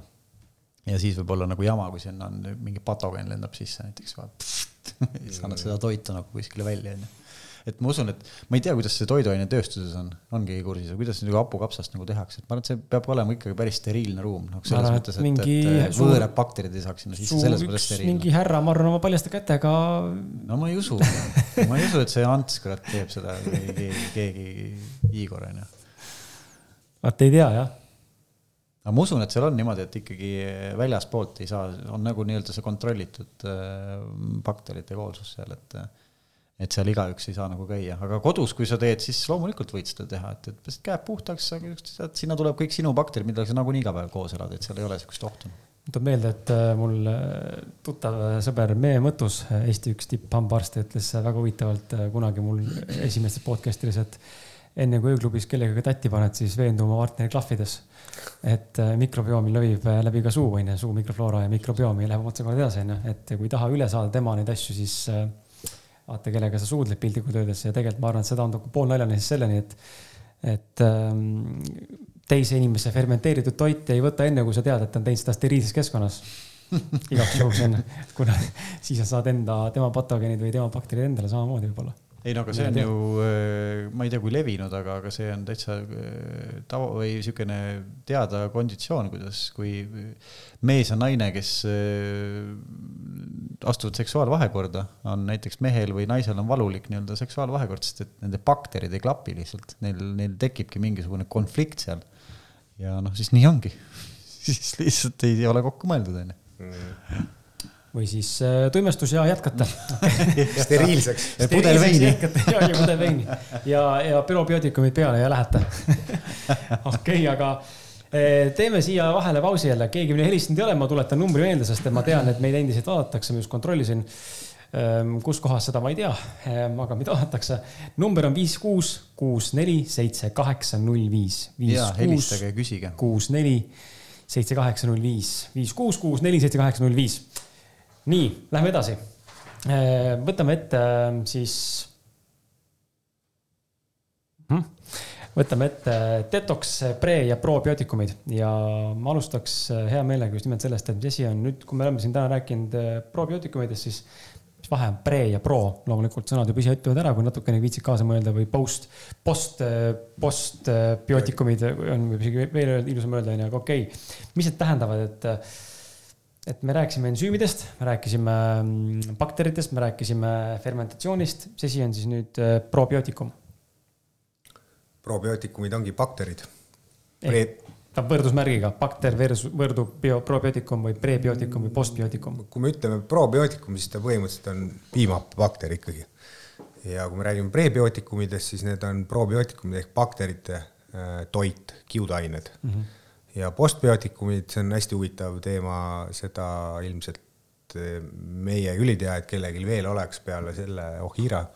ehk siis see juhtubki ainult fermentatsiooniga.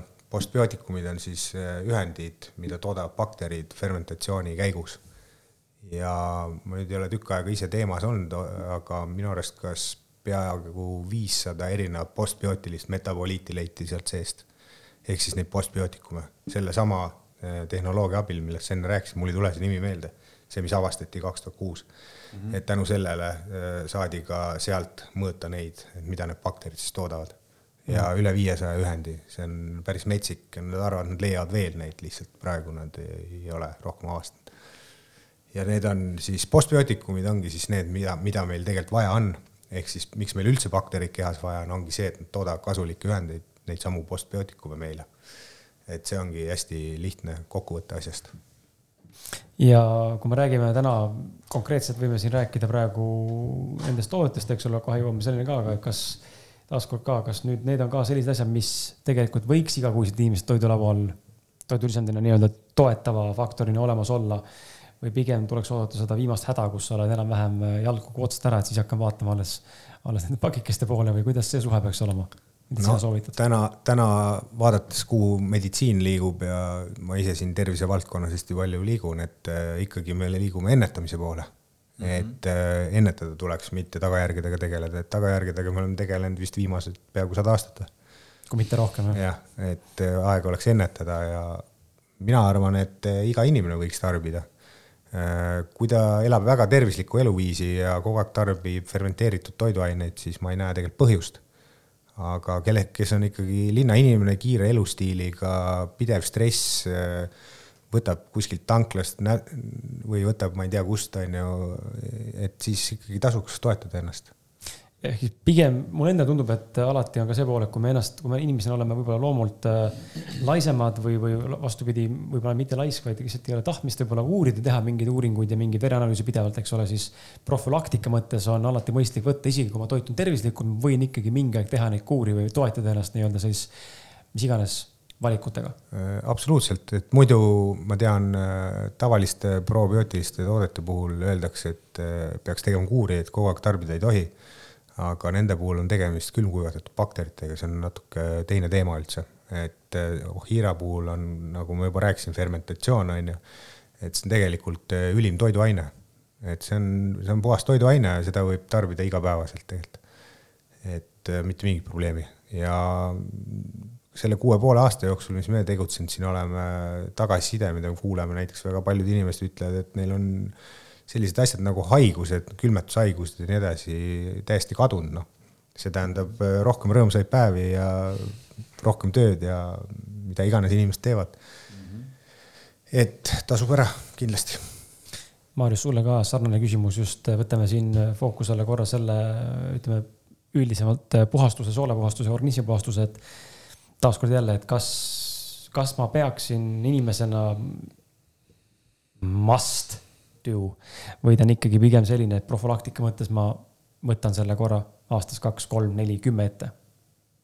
või kümne aasta jooksul korra või ei võta kordagi, sest et noh, nagu no, me ise, ise saate alguses mm. rääkisime, et tunne on ju okei okay,, ma elan ju selles mõttes, et noh, miks mul nii vaja on no jah, see Senglensi toode on selles mõttes erinev, et seda ei ole mõtet eh, iga kuu nagu teha või, või iga päev teha et ta on ikkagi mõeldud selle jaoks, et ta äh, lööb platsi puhtaks nii-öelda nendest patogeenidest või seal, kus patogeenid elavad, võtab selle soolestiku seinte külge tekkinud äh, šlaki välja, toob selle välja ja, ja annab siis nii-öelda võrdse võimaluse jälle kõikidel bakteritel äh, elama hakata nii-öelda puhta soolestiku peale, onju. ta loomulikult, ma ei taha nüüd öelda, et, et kõikidest bakteritest lahti saab, kõikidest ei saa lahti ja, ja see ei olegi selles mõttes võimalik, et bakterid elavad ka väga palju äh, soole seina peal on selline katt äh, või, või selline nagu limakiht, see ei tule sealt ära, eks ju, et, et seal, sinna jäävad bakterid kõik elama.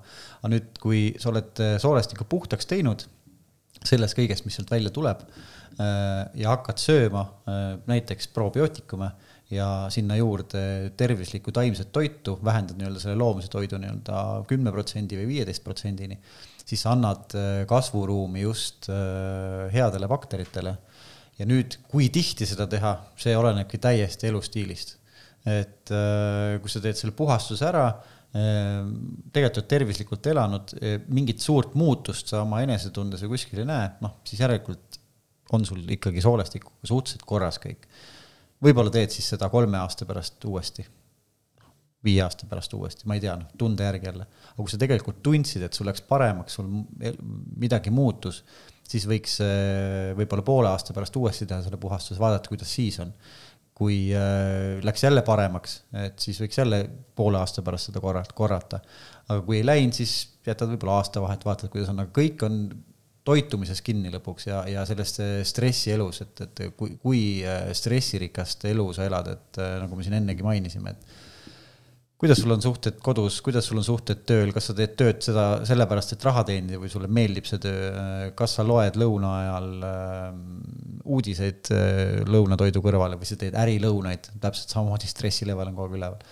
sellest oleneb see, kas, kui palju meie siseorganid saavad tähelepanu, siis äh, vereringe poolt ja, ja, ja, ja kõik sellest oleneb, kui tihti siis äh, seda Senglensmanni soolepuhastust teha võiks.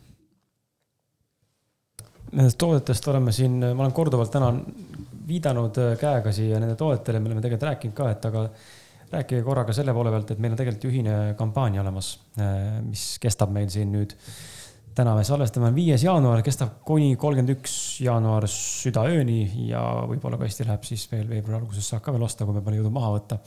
aga sisuliselt jaanuari lõpuni on see kampaania kestmas, mõlema koduleheküljel dohira.ee ja senglens.ee on võimalik saada seda. aga võib-olla just rääkida inimestele selle koha pealt ka, et miks just need tooted on pandud meil täna siin teie poolt kombosse ja, ja miks miks võiks inimene tegelikult sellele mõelda just näiteks ka aasta alguses või võib-olla kevadel või millal iganes veel, et millal on see õige aeg teha ja miks just need kaks toodet omavahel punti sobivad suurepäraselt? ma alustan siis ise, et äh, tegelikult enne tahtsin lisada ka seda. et äh, tegelikult kuulajatel hea teada, et kui on, kui meil on ikkagi probleem, äh, mingid kaebused ja meil on vaja näiteks soolestikku korda saada, turgutada, et eelnevalt olekski soovitatav tegelikult soolepuhastust teha. Sest et äh, lihtsalt, kui meil on keha sodi täis, igast patogeene täis, siis äh, probiootikumi peale süüa, selle kasutegur võib olla isegi null. me ei omasta lihtsalt, et äh, soolestik peab saama puhtaks ja puhtaks saab selle ainult kvaliteetse soolepuhastusega nojah, mõte oligi selles, et esiteks ju see mõlemad on, äh, tulevad Aasiast, üks on Taiwan'i toode, teine on äh, Jaapani toode fermenteeritud. fermenteeritud pika aja jooksul, mitte lihtsalt natukene, eks see, see mõte või filosoofia on ju nendel toodetel üli-ülisarnane või noh, tegelikult sama.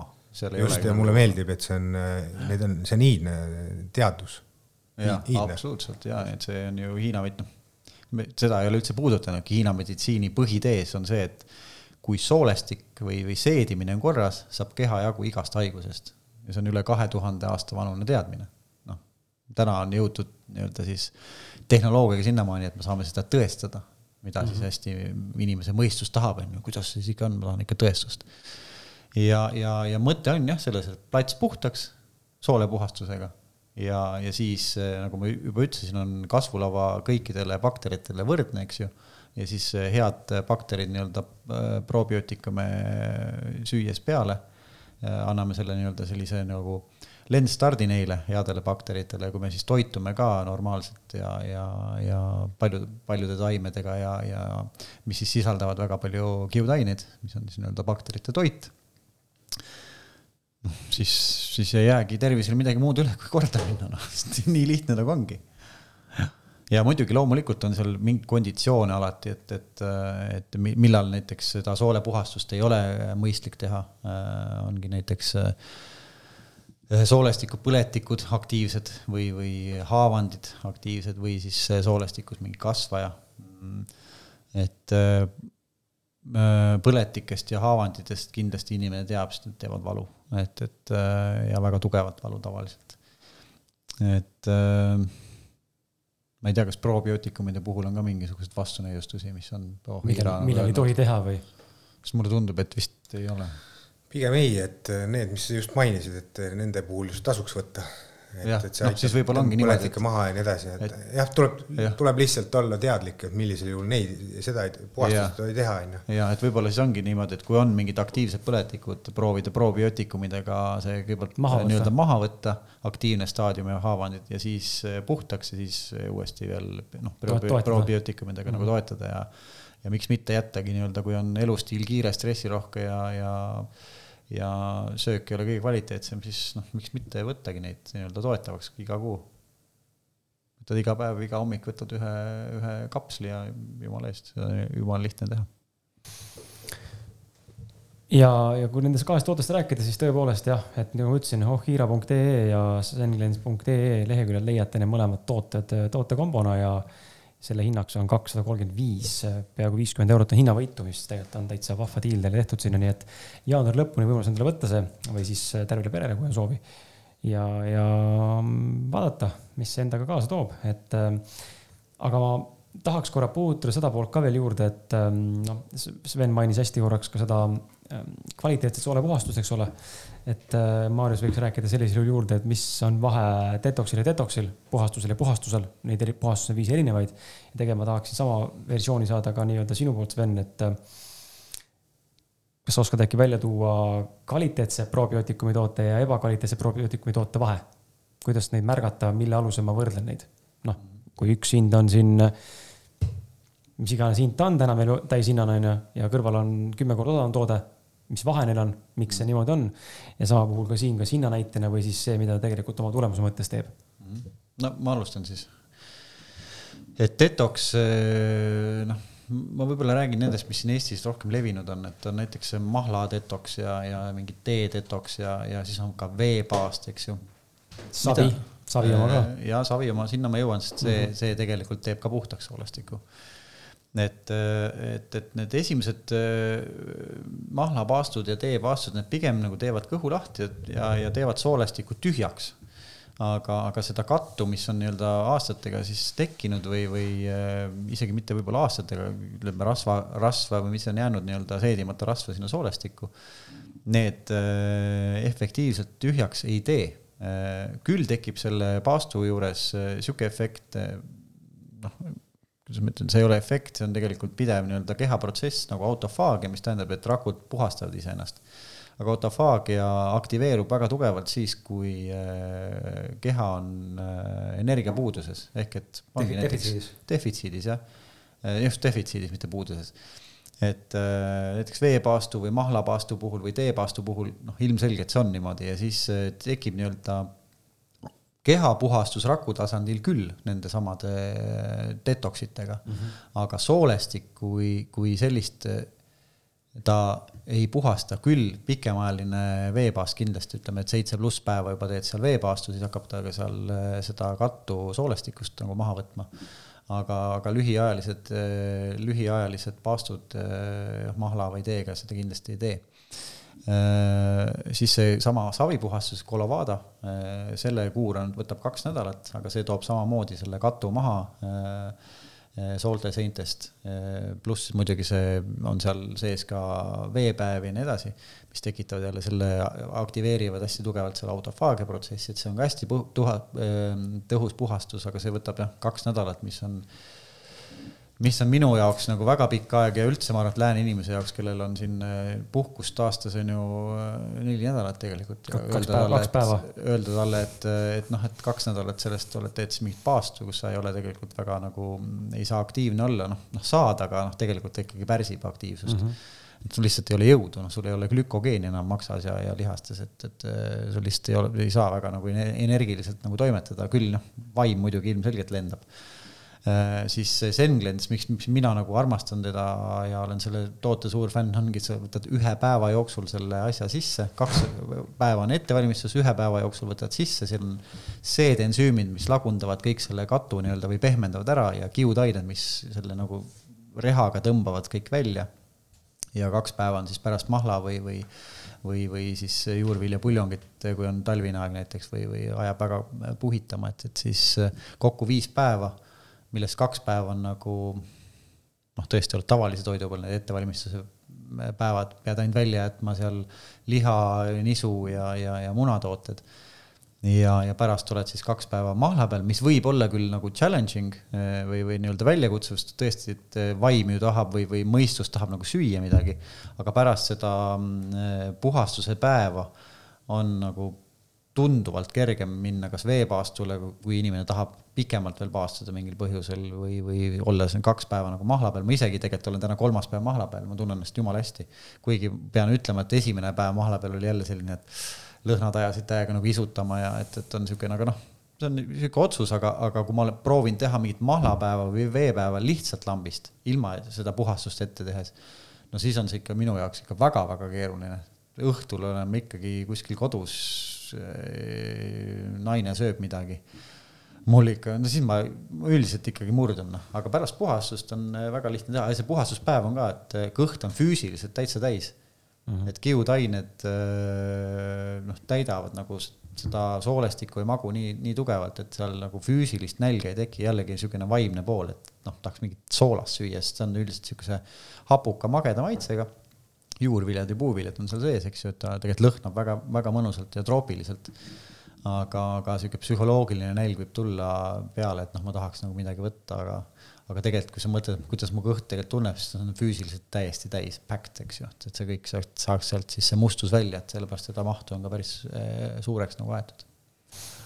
ja Sven, kuidas on noh, Hiire poole pealt, kui me võtame nüüd, tuleme tagasi küsimuse juurde, meelde tuletada kuulajale ka, millest me siin üldse rääkisime, et äh, kuidas nagu aru saada, et kui ma hakkan valima nüüd üht või teist probiootikumit või ettevõtet või, või tootjat, mille alusel aru saada, et äh, noh, just see töötab ja see ei tööta või et töötab paremini, töötab kehvemini, kuidas seda, kuidas seda nagu mõista, kuidas kompida seda maailma, kas seal üldse on mingi vahe nendel probiootikumidel, probiootikumidel ja postbiootikumidel, millel iganes veel, või, või seal ei ole üldse vahet? Äh,? ikka on vahe, aga ma ei taha nüüd öelda seda, et äh, üks ei tööta ja teine töötab, kindlasti kellegi jaoks töötab ja kellegi jaoks ei tööta, et äh, see on niisugune suhteline asi. Aga minu jaoks väga suur vahe ongi see, et Ohiira oh, puhul need bakterid, mis seal kapslis on, need on elusad, neid ei ole kunagi külmkuivatatud, neid ei ole töödeldud, nendega ei ole midagi tehtud, tal on juures toit, äh, mis ei ole sinna lisatud, vaid on äh, selle pika kolme kuni viie aastase fermentatsiooni aja jooksul tekkinud. Et kui me paneme juurde, ma ei tea, toome näiteks mingi multivitamiin, on ju, me võtame ühe mingi vitamiini siit, teise sealt, kolmanda sealt, on ju ei pruugi üldse omavahel koostöös toimida, see on sünergias, see on, see on, loodus on teinud selle töö kolme kuni viie aasta jooksul. lisaks on lastud terve see aeg juurde klassikalist muusikat, on ju, mis on ära tõestatud, et kuidas see mõjub elusorganismidele, nii meile kui bakteritele. Sama jälle, sama tehnoloogia või samat viisi kasutavad ka Senglensi tootjad. Teil on ka jah? jaa, samamoodi. okei okay,, väga lahe et äh, hakkab tunduma üha rohkem, et sama ettevõte vist. ongi võib-olla jah. et äkki peate helistama korraga ühele inimesele, kellega suhtlete, siis tuleb välja, et on sama inimene et äh, nüüd ma rääkisin nagu sellest Ohira poolest on ju, et kuidas see tehtud on, et äh, siia nüüd võrdluseks kõik ülejäänud on, esiteks nad on külmkuivatatud. Seal on oma protsess, see on kas pulber või siis seesama pulber on pressitud kapsliks siis järgmine etapp on see, mida ma tean, neid tootjaid on umbes viis või kuus tükki ainult maailmas. ehk siis tegelikult, kui me ostame mingi probiootilise toote, siis võime enam-vähem peaaegu sajaprotsendiliselt kindlad olla, et see tootja ei ole seda ise tootnud, vaid ta on selle sisse ostnud. ehk siis enamus tootjad ostavad selle sisse, ta ütleb, ma tahan seda, seda, seda tüve nii, nii suure tugevuse astmega ja see pannakse kokku, lükkavad oma sildi peale ja see ei ole ainult mitte probiootikumide tööstus, vaid see on ülemaailmselt niimoodi, et autotootjad enamus ei tooda ka ise mitte midagi, ainult märgi löövad peale. või siis toidu, toidutööstus on ju, et siin on mingi kohuke on, ma ei tea, mingi, mingi farmi oma sama kohuke on, mis selle farmi oma on tootja. tere oma. jah, tere või siis ma ei tea, säästukohuke, mida iganes. kõik tuleb samast kohast. ja hinnad on erinevad. et, et see külmkuivatatud teema ongi see, et äh, esiteks me ei, me ei ole üldse kindlad, see mehhanism on niimoodi, et kui ta puutub kokku niiskusega, siis see bakter väidetavalt peaks aktiveeruma ja ärkama ellu. Kui palju neid üldse ellu ärkab, mitte keegi ei tea seda et äh, tõenäoliselt üldse ei ärka, on ka olemas. et, et see on äh, minu jaoks väga suur vahe elus versus surnud, on ju, äh, bakter. pluss see toitainete kompleks, mis me kaasa saame Ohira puhul, ongi see postbiootikumid, on ju, bakteri oma toit veel, see tähendab seda, et see bakter on elujõuline. tal on kõik eluks vajalik olemas, ehk siis ma olengi toonud vahest näite ainuke eesmärk, mis meil on vaja probiootikumi puhul on see, et bakter toimiks, ta suudaks kinnituda soole seinale see on ainuke, mida me tahame, on ju, siis ta hakkab oma tööd seal tegema. ja nüüd ongi see, et kui, kui ta seda ei tee, siis ta on mõttetu, ta on kasutu, see toode. et selle toote puhul on nii, et see näide, mis ma olen toonud, ongi, et äh, kui sul on nagu hea olla, sul on, sa oled soojalt riides, sul on toidumoonakott kaasas, sa lähed külmale talvele vastu, sa saad hakkama, sul ei ole probleemi kui ma su uksest siit praegu välja paljalt viskan, siis see väga pikalt hakkama ei saa, tõenäoliselt sa sured ära varsti. või on lihtsalt äärmiselt ebamugav. just mm, -hmm. ja et äh, selle bakteri puhul samamoodi, et kui ta nagu on lihtsalt külmkuivatatud bakter ainult, kes peaks ärkama ellu, on ju, tal ei ole mitte midagi, tal ei ole kiudaineid, seda toitu kaasas, siis tõenäoliselt ta seal ellu jääb ja suudab kinnituda, on hästi minimaalne. temal on kõik kaasa antud, tal on kõik eelised eluks, äh, et, et seda elu jätkata seal mm. kelle iganes soolestikus et need on sellised äh, lihtsad näited, lisaks äh, see hinnapoliitika on ju, et see on tunduvalt kallim kui võib-olla mingi tavaline probiootikum. et me peamegi mõtlema seda tootmisprotsessi, siin on äh, kolm aastat ühe toote puhul, viis aastat teise toote puhul läinud aega selleks, et see üldse valmis saaks. lisaks on need juurviljad, puuviljad, seened, vetikad, mida need sisaldavad, kõik korjatud loodusest hooajaliselt pandud tünni, need ei toimu korraga, neid tehakse hooajaliselt, siis kui näiteks, ma ei tea, sidrun või mingi viigimari saab valmis, siis kui ta valmis saab, pannakse ta sinna tünni. nüüd, kui mingid järgmised asjad valmis saavad, need koostisosadest ühendid, siis pannakse need tünni, mitte korraga.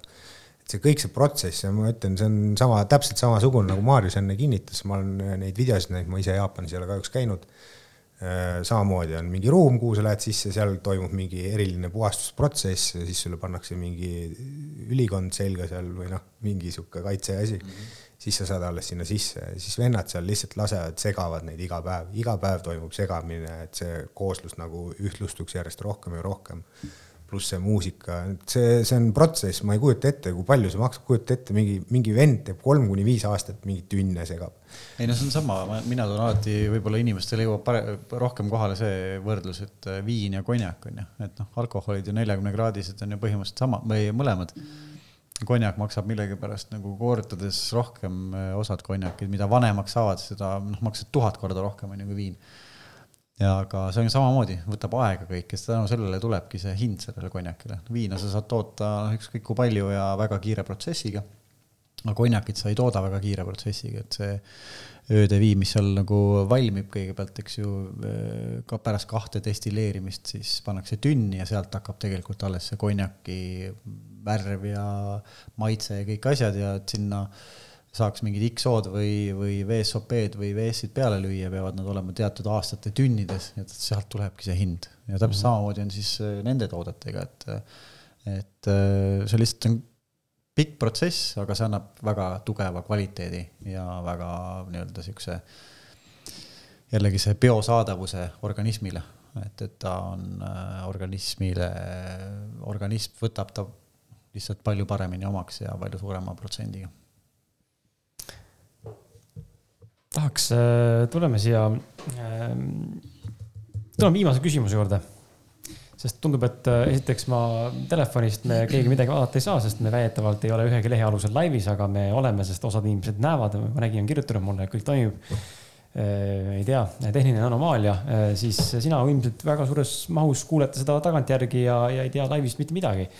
et ähm, mis ma saan lubada siinkohal on see, et Äh, jaanuari lõpus, hea kuulaja, äh, ma saan rahuldada sind heas mõttes äh, heli ja video kvaliteedi olulise paranemisena, et olen astumas järgmist sammu tehnikamaailma suunas ja, ja arendan enda mängu ka, nii et siis enam neid probleeme ei ole ja ma ei ole üksinda, siis mul on olemas tiim ja, ja stuudioproduktsioon, mis suudab teha seda, mida ma tegelikult täna teha tahtsin.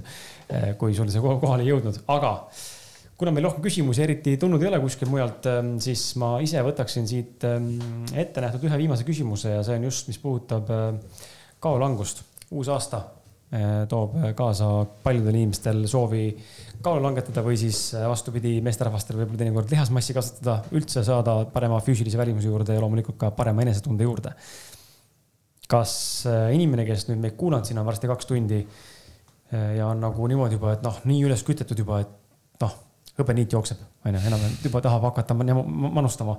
et äh, kui ta mõtleb selle peale, et need on, äh, aitavad tal kaalu alla tuua, need tooted, kas see on midagi, mida me võime inimestele toetava faktorina soovitada või kinnitada või vastupidi, pigem see, kui sind huvitab ainult kaalukaotus või kaalulangetus, siis äh, noh, see päris see ei pruugi olla, aga või kas no... üldse aitavad puhastused ja probiootikumid või üldse ensüümid meil kuidagi mingil viisil kaalu langetada? ma jälle tooksin, seda küll mainisin siin eespool ka, aga kui sul soolestik saab puhtaks, kaasa arvatud peensool, siis äh, toimub mikro- ja makrotoitainete parem imendumine äh, ka jämesooles toimub seesama asi, äh, küll äh, teevad seal väga palju tööd siis nii-öelda juba bakterid, nii-öelda kui ja, ja kui bakterid on jämesooles nagu korras, peensooles imenduvad kõik äh, mikro-makrotoitained, siis keha saab palju vähesema kaloraažiga kõik vajalikku kätte. mis tähendab seda, et äh, noh, meil ei ole vaja nii suuri portse enam süüa ja see kaalulangus tuleb iseenesest nii-öelda kaasa, aga, aga loomulikult on selle eelduseks see, et inimene tahab mingit muutust ellu viia.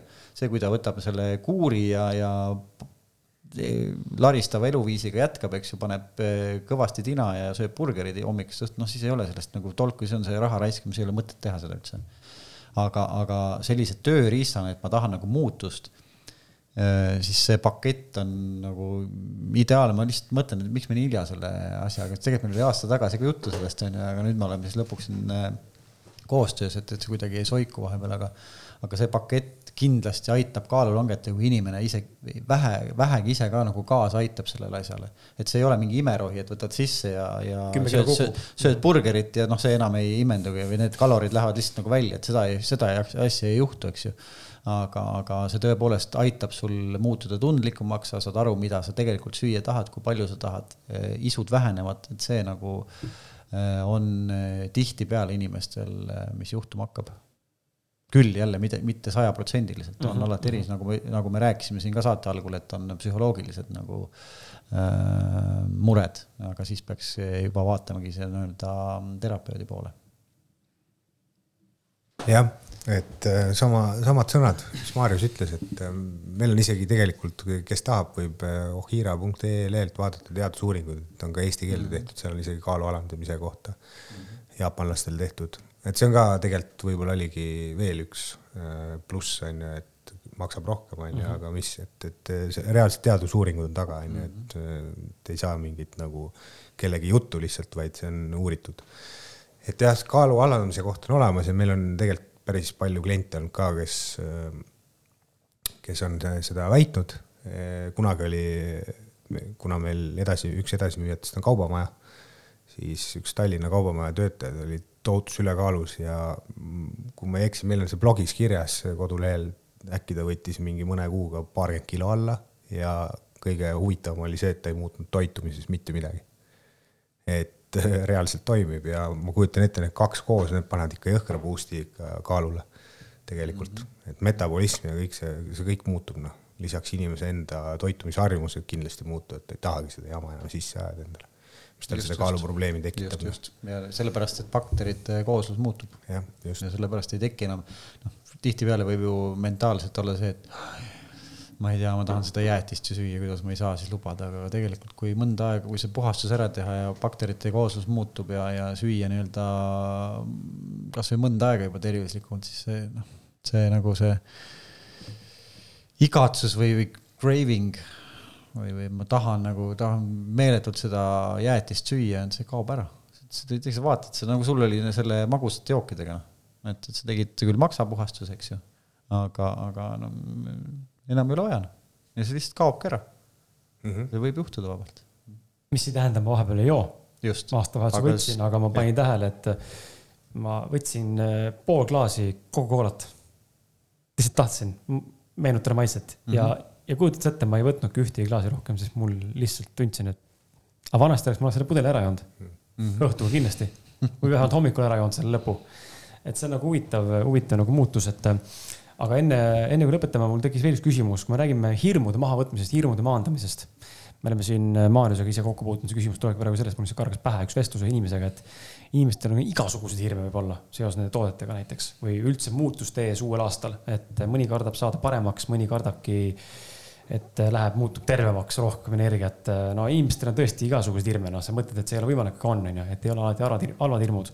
mida te oskate soovitada inimesele, kes tahab päriselt teha seda sammu muutuste suunas, muutuda tervemaks minaks, saada uueks minaks kaks tuhat kakskümmend kaks aastal ja tahab tõesti proovida neid tooteid, aga miski ütleb, et noh, mingi hirm on nagu taustal kuidas nagu seda maandada või mida nagu inimestele innustavalt öelda, et mis põhjustel või mis põhjusel ei peaks teie kartma seda muutust? Või miks, või, või miks ei peaks jääma mugavus, mugavustsooni terveks järgmiseks aastaks ka?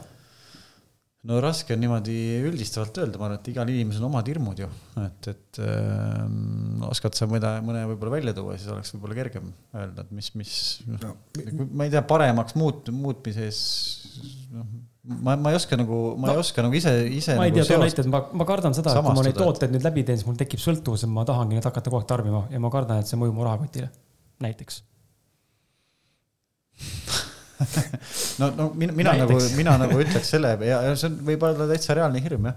aga, aga nagu me ise eh, ka pidevalt seda ütleme, et, et see puhastus on eh, nii kaua vajalik, kui sa ei vii oma elu tasakaalu, kui sul elu on tasakaalus, siis kõik mm -hmm. organid suudavad ise äh, normaalselt keha puhastada äh,. sul ei ole vaja mingisuguseid lisaaineid, ehk et, et, et äh, mõnes mõttes sõltuvus sellest äh, puhastusest no see on üks nagu lahendus, kui sa ei suuda oma elu organiseerida nii, et, et sul ei oleks stressivaba, et sul on nagu stressirohke elu ja sa sööd nagu kehvasti, et selles mõttes on see nagu hea, hea variant alati jälle mingi aja tagant mingi restart teha näiteks, et jätkad oma vana eluviisiga, aga ma tean, et, et kui ma selle puhastuse läbi teen ja, ja söön neid probiootikume, onju, siis mu keha funktsioneerib paremini noh et nii võib ka, et see, see ei tähenda seda, et, et kui ma nüüd selle puhastuse läbi teen, nüüd ma hakkan taimetoitlaseks, see on nagu must, et ei, ei ole. mina samamoodi ei ole hakanud taimetoitlaseks, ma püüan küll sinna jõuda, aga, aga ma olen inimene, et, et ma mm -hmm. samamoodi ei ole libastunud, ma hakkan äh, mõne aja möödudes pärast puhastust, eks ju, vaatab see croissant mulle vastu sealt, eks ju siis ma võtan pitsi konjakit, mulle väga meeldivad vanad, äh, vanad head väär, väär, väärikad joogid ja, ja pärast konjaki võtmist ma tunnen ka, et mu mikrobiom tegelikult muutub ilmselt, sest mu, mu valikud lähevad eba, ebatervislikumaks, ilmselt on seal alkoholiga midagi seotud. ja, aga ma olen inimene, ma ei saa nagu tekitada seda stressi endas, et, et ma nüüd loobun sellest, et ma siin enne saadet teiega rääkisin, et kuidas ma nagu, ma ei kujuta ette, et ma loobun konjakiklubist, sest mul, mul on seal head sõbrad, me käime kord kuus koos, me tõesti äh, jagame seda entusiasmi konjakitesse ja noh, ma, ma ei ole valmis nagu loobuma, minus tekitaks see stressi ja siis ma nagu kasutangi, kas poole aasta või aasta tagant teen selle soolepuhastuse, ma tunnen, et mul on nagu noh, käest ära jälle läinud. aga, aga ma tunnen seda ka, et järjest teadlikumaks ma nagu saan ja järjest pikemalt see nii-öelda tervislik valik ja kõik see pool nii-öelda kestab, et mm, -hmm. et äh, see on, ma arvan, et jällegi protsess, et me, meie inimese aju on ehitatud nii, me tahame kohe saada midagi, mõte tuleb, tahaks kohe saada et äh, vähesed oskavad seda protsessi nautida. ja, ja, ja ma arvan, et teekond tervisliku eluviisi suunas on samamoodi protsess, et see ei, see ei juhtugi üle päeva, noh, mõnega võib-olla juhtub, aga see on erand, et erand kinnitab, kinnitab reeglit, et need tooted pigem toetavadki sind nii kaua, kuni sa saad äh, siis äh, päriselt tunda, et oh, nüüd ma olengi valmis nagu tervislikult elama ja stressivabalt elama ja ma teen seda tööd mis mulle meeldib, mitte ma ei tee seda raha pärast ja mul on naisega suhe korras, sest me saame ausad olla, me saame oma hirmudest rääkida. Äh, mulle meeldib lastega aega veeta, sest et äh, me koos mõtleme ägedaid asju välja, meil on lõbus, mitte ma ei tee seda kohustusest. ja, ja need tooted on, ma arvan, et abivahend või tööriist, väga tugevad tööriistad sellise elu poole pürgimiseks ja mhm. liikumiseks ja sinna lõpuks jõudmiseks. ma arvan, ma olen selles täiesti veendunud. Jah, õige jutt Maarjusel, et äh, muideks see Krisi küsimus on äh, väga õigustatud küsimus, meil on päris palju tegelikult tulnud sellist küsimust, et kas see sõltuvust ei tekita, see on isegi selliste toitumisnõustajate ja nii edasi poolt tulnud kunagi, noh, läbi aastate. et äh, ja mina arvan, loomulikult ei tekita, on ju, et ma arvangi, et ainuke sõltuvus, mis sellest saab tekkida või nendest toodetest, ongi see, kui me ise endale selle sõltuvuse tekitame, me ei ole nõus ennast muutma, me läheme vanade harjumuste mm. juurde tagasi. Ehk siis me tunneme varsti ennast jälle halvasti. ma olen paar korda kuulnud, see on mingite teiste toodete osas, aga mu isa naine kunagi rääkis, ütles, et kogu aeg teeb ära, kõik läheb hästi tal sõbranna ja tuleb jälle tagasi sinna mina näengi seda, et see inimene lihtsalt ei tee elus mitte mingeid muutusi, et äh, sul ongi mingi aeg väga hästi, aga kui sa elus ka muutusi ei tee, siis sa oled jälle seal tagasi kohe varsti. ja siis sa oledki sõltuv, eks. jah, sa oledki no,, aga sa oled ise selle sõltuvuse tekitanud, tekitanud, jah nii et need tooted ei ole jah siin sellepärast, et need neid kogu aeg nagu äh, müüa ja loota selle peale, et, et, et te kunagi ei muutu, vaid pigem me propageerimegi seda, et muutuge teie, teie, tegelikult on teie kätes, et tehke see puhastus läbi ja kasutage probiootikat täpselt nii kaua, kui te tunnete, et nüüd me oleme valmis ilma hakkama saama, sest keha on loodud selleks, et ilma puhastuseta hakkama saama, saada aga selleks on vaja ka tingimusi, et, et kui me, noh, me oleme sellest juba siin palju rääkinud, miks, mis, miks need tingimused ei ole täidetud. ma ei hakka neid kordamagi siin praegu. et nagu riik äh, mingeid booster eid siin pakub, siis me pakume omalt poolt booster eid. Noh. jah tõmbame kokku, äh, teeme paar soovitust, ma teen otsa lahti, et anname inimestele paar soovitust aastast kaks tuhat kakskümmend kaks, et kuidas oma tervem uus mina, uus mina, tervem mina siis luua, et äh, mina omalt poolt äh, soovitan järjepidevust ja just nimelt kannatlikkuse osapooled ka. Maarjus tegelikult mainis seda fakti ka, et me tahame saada kohe nüüd ja praegu. teinekord asjad lihtsalt võtavad paratamatult rohkem aega, kui me oskame arvata või loota või ette näha.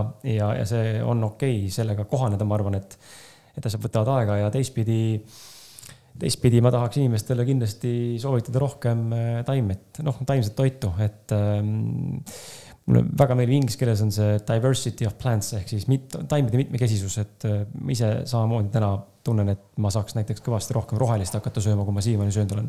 ja see on, enne siin saate väliselt rääkisin, mis on meie aasta, Sven küsis, mis on meie aasta uued lubadused, noh siis ma tegelikult olen teinud endale, et ma tahan hakata rohkem rohelist sööma ikkagi niimoodi, et seda on ikka kuhjaga, seda maltsa.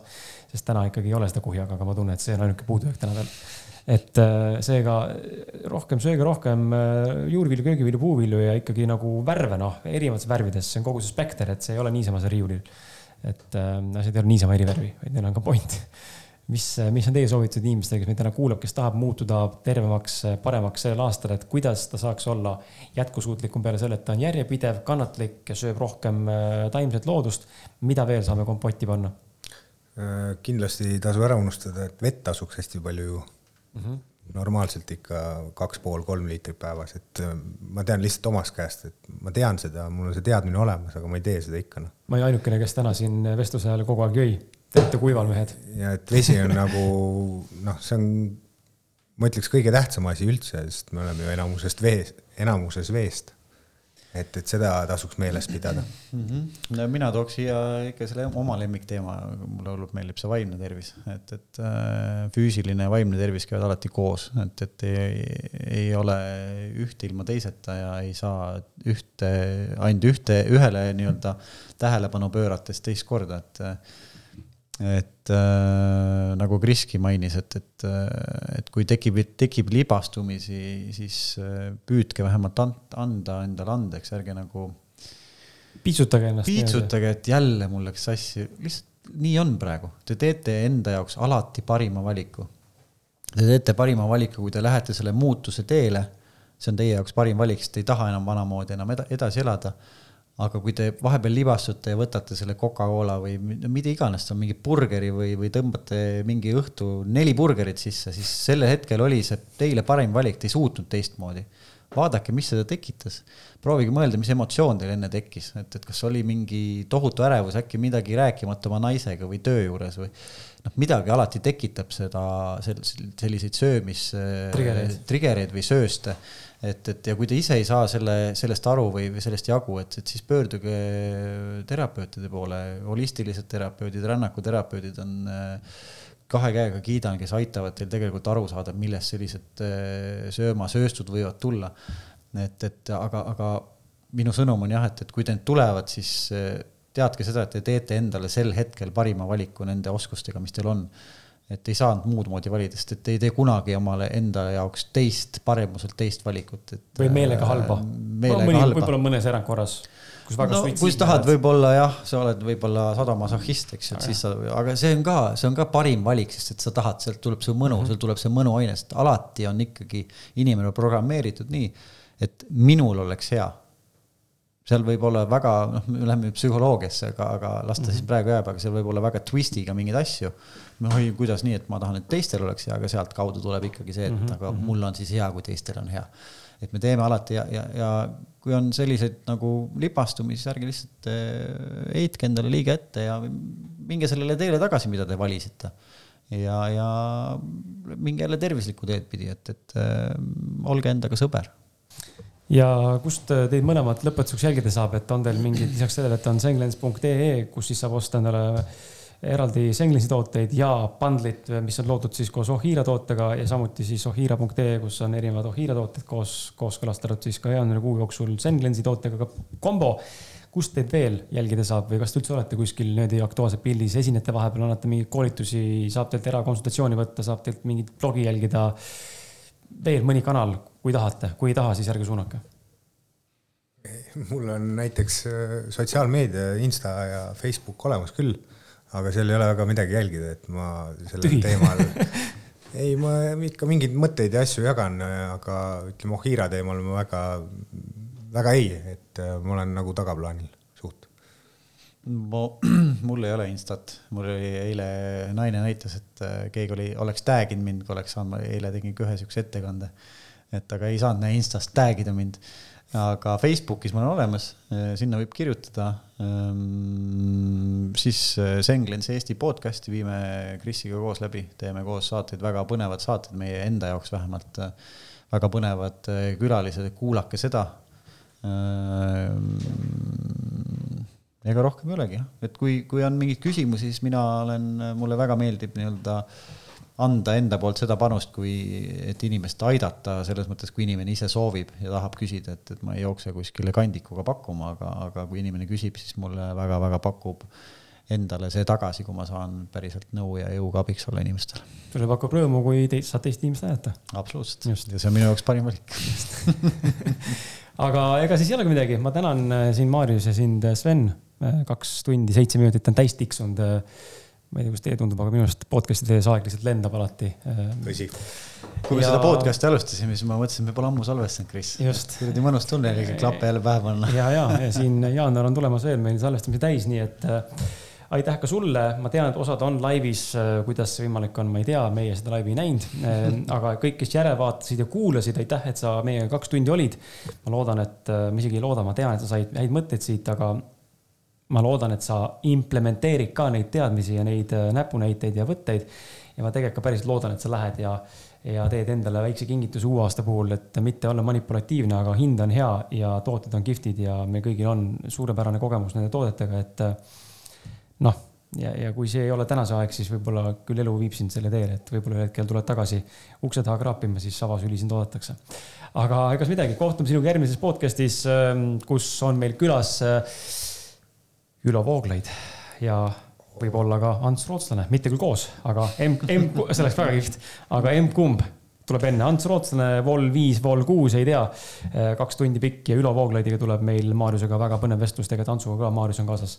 nii et äh, olge lainel, tulevad äh, põnevad salvestused ja, ja meie jätkame. tšau. tšau, tšau.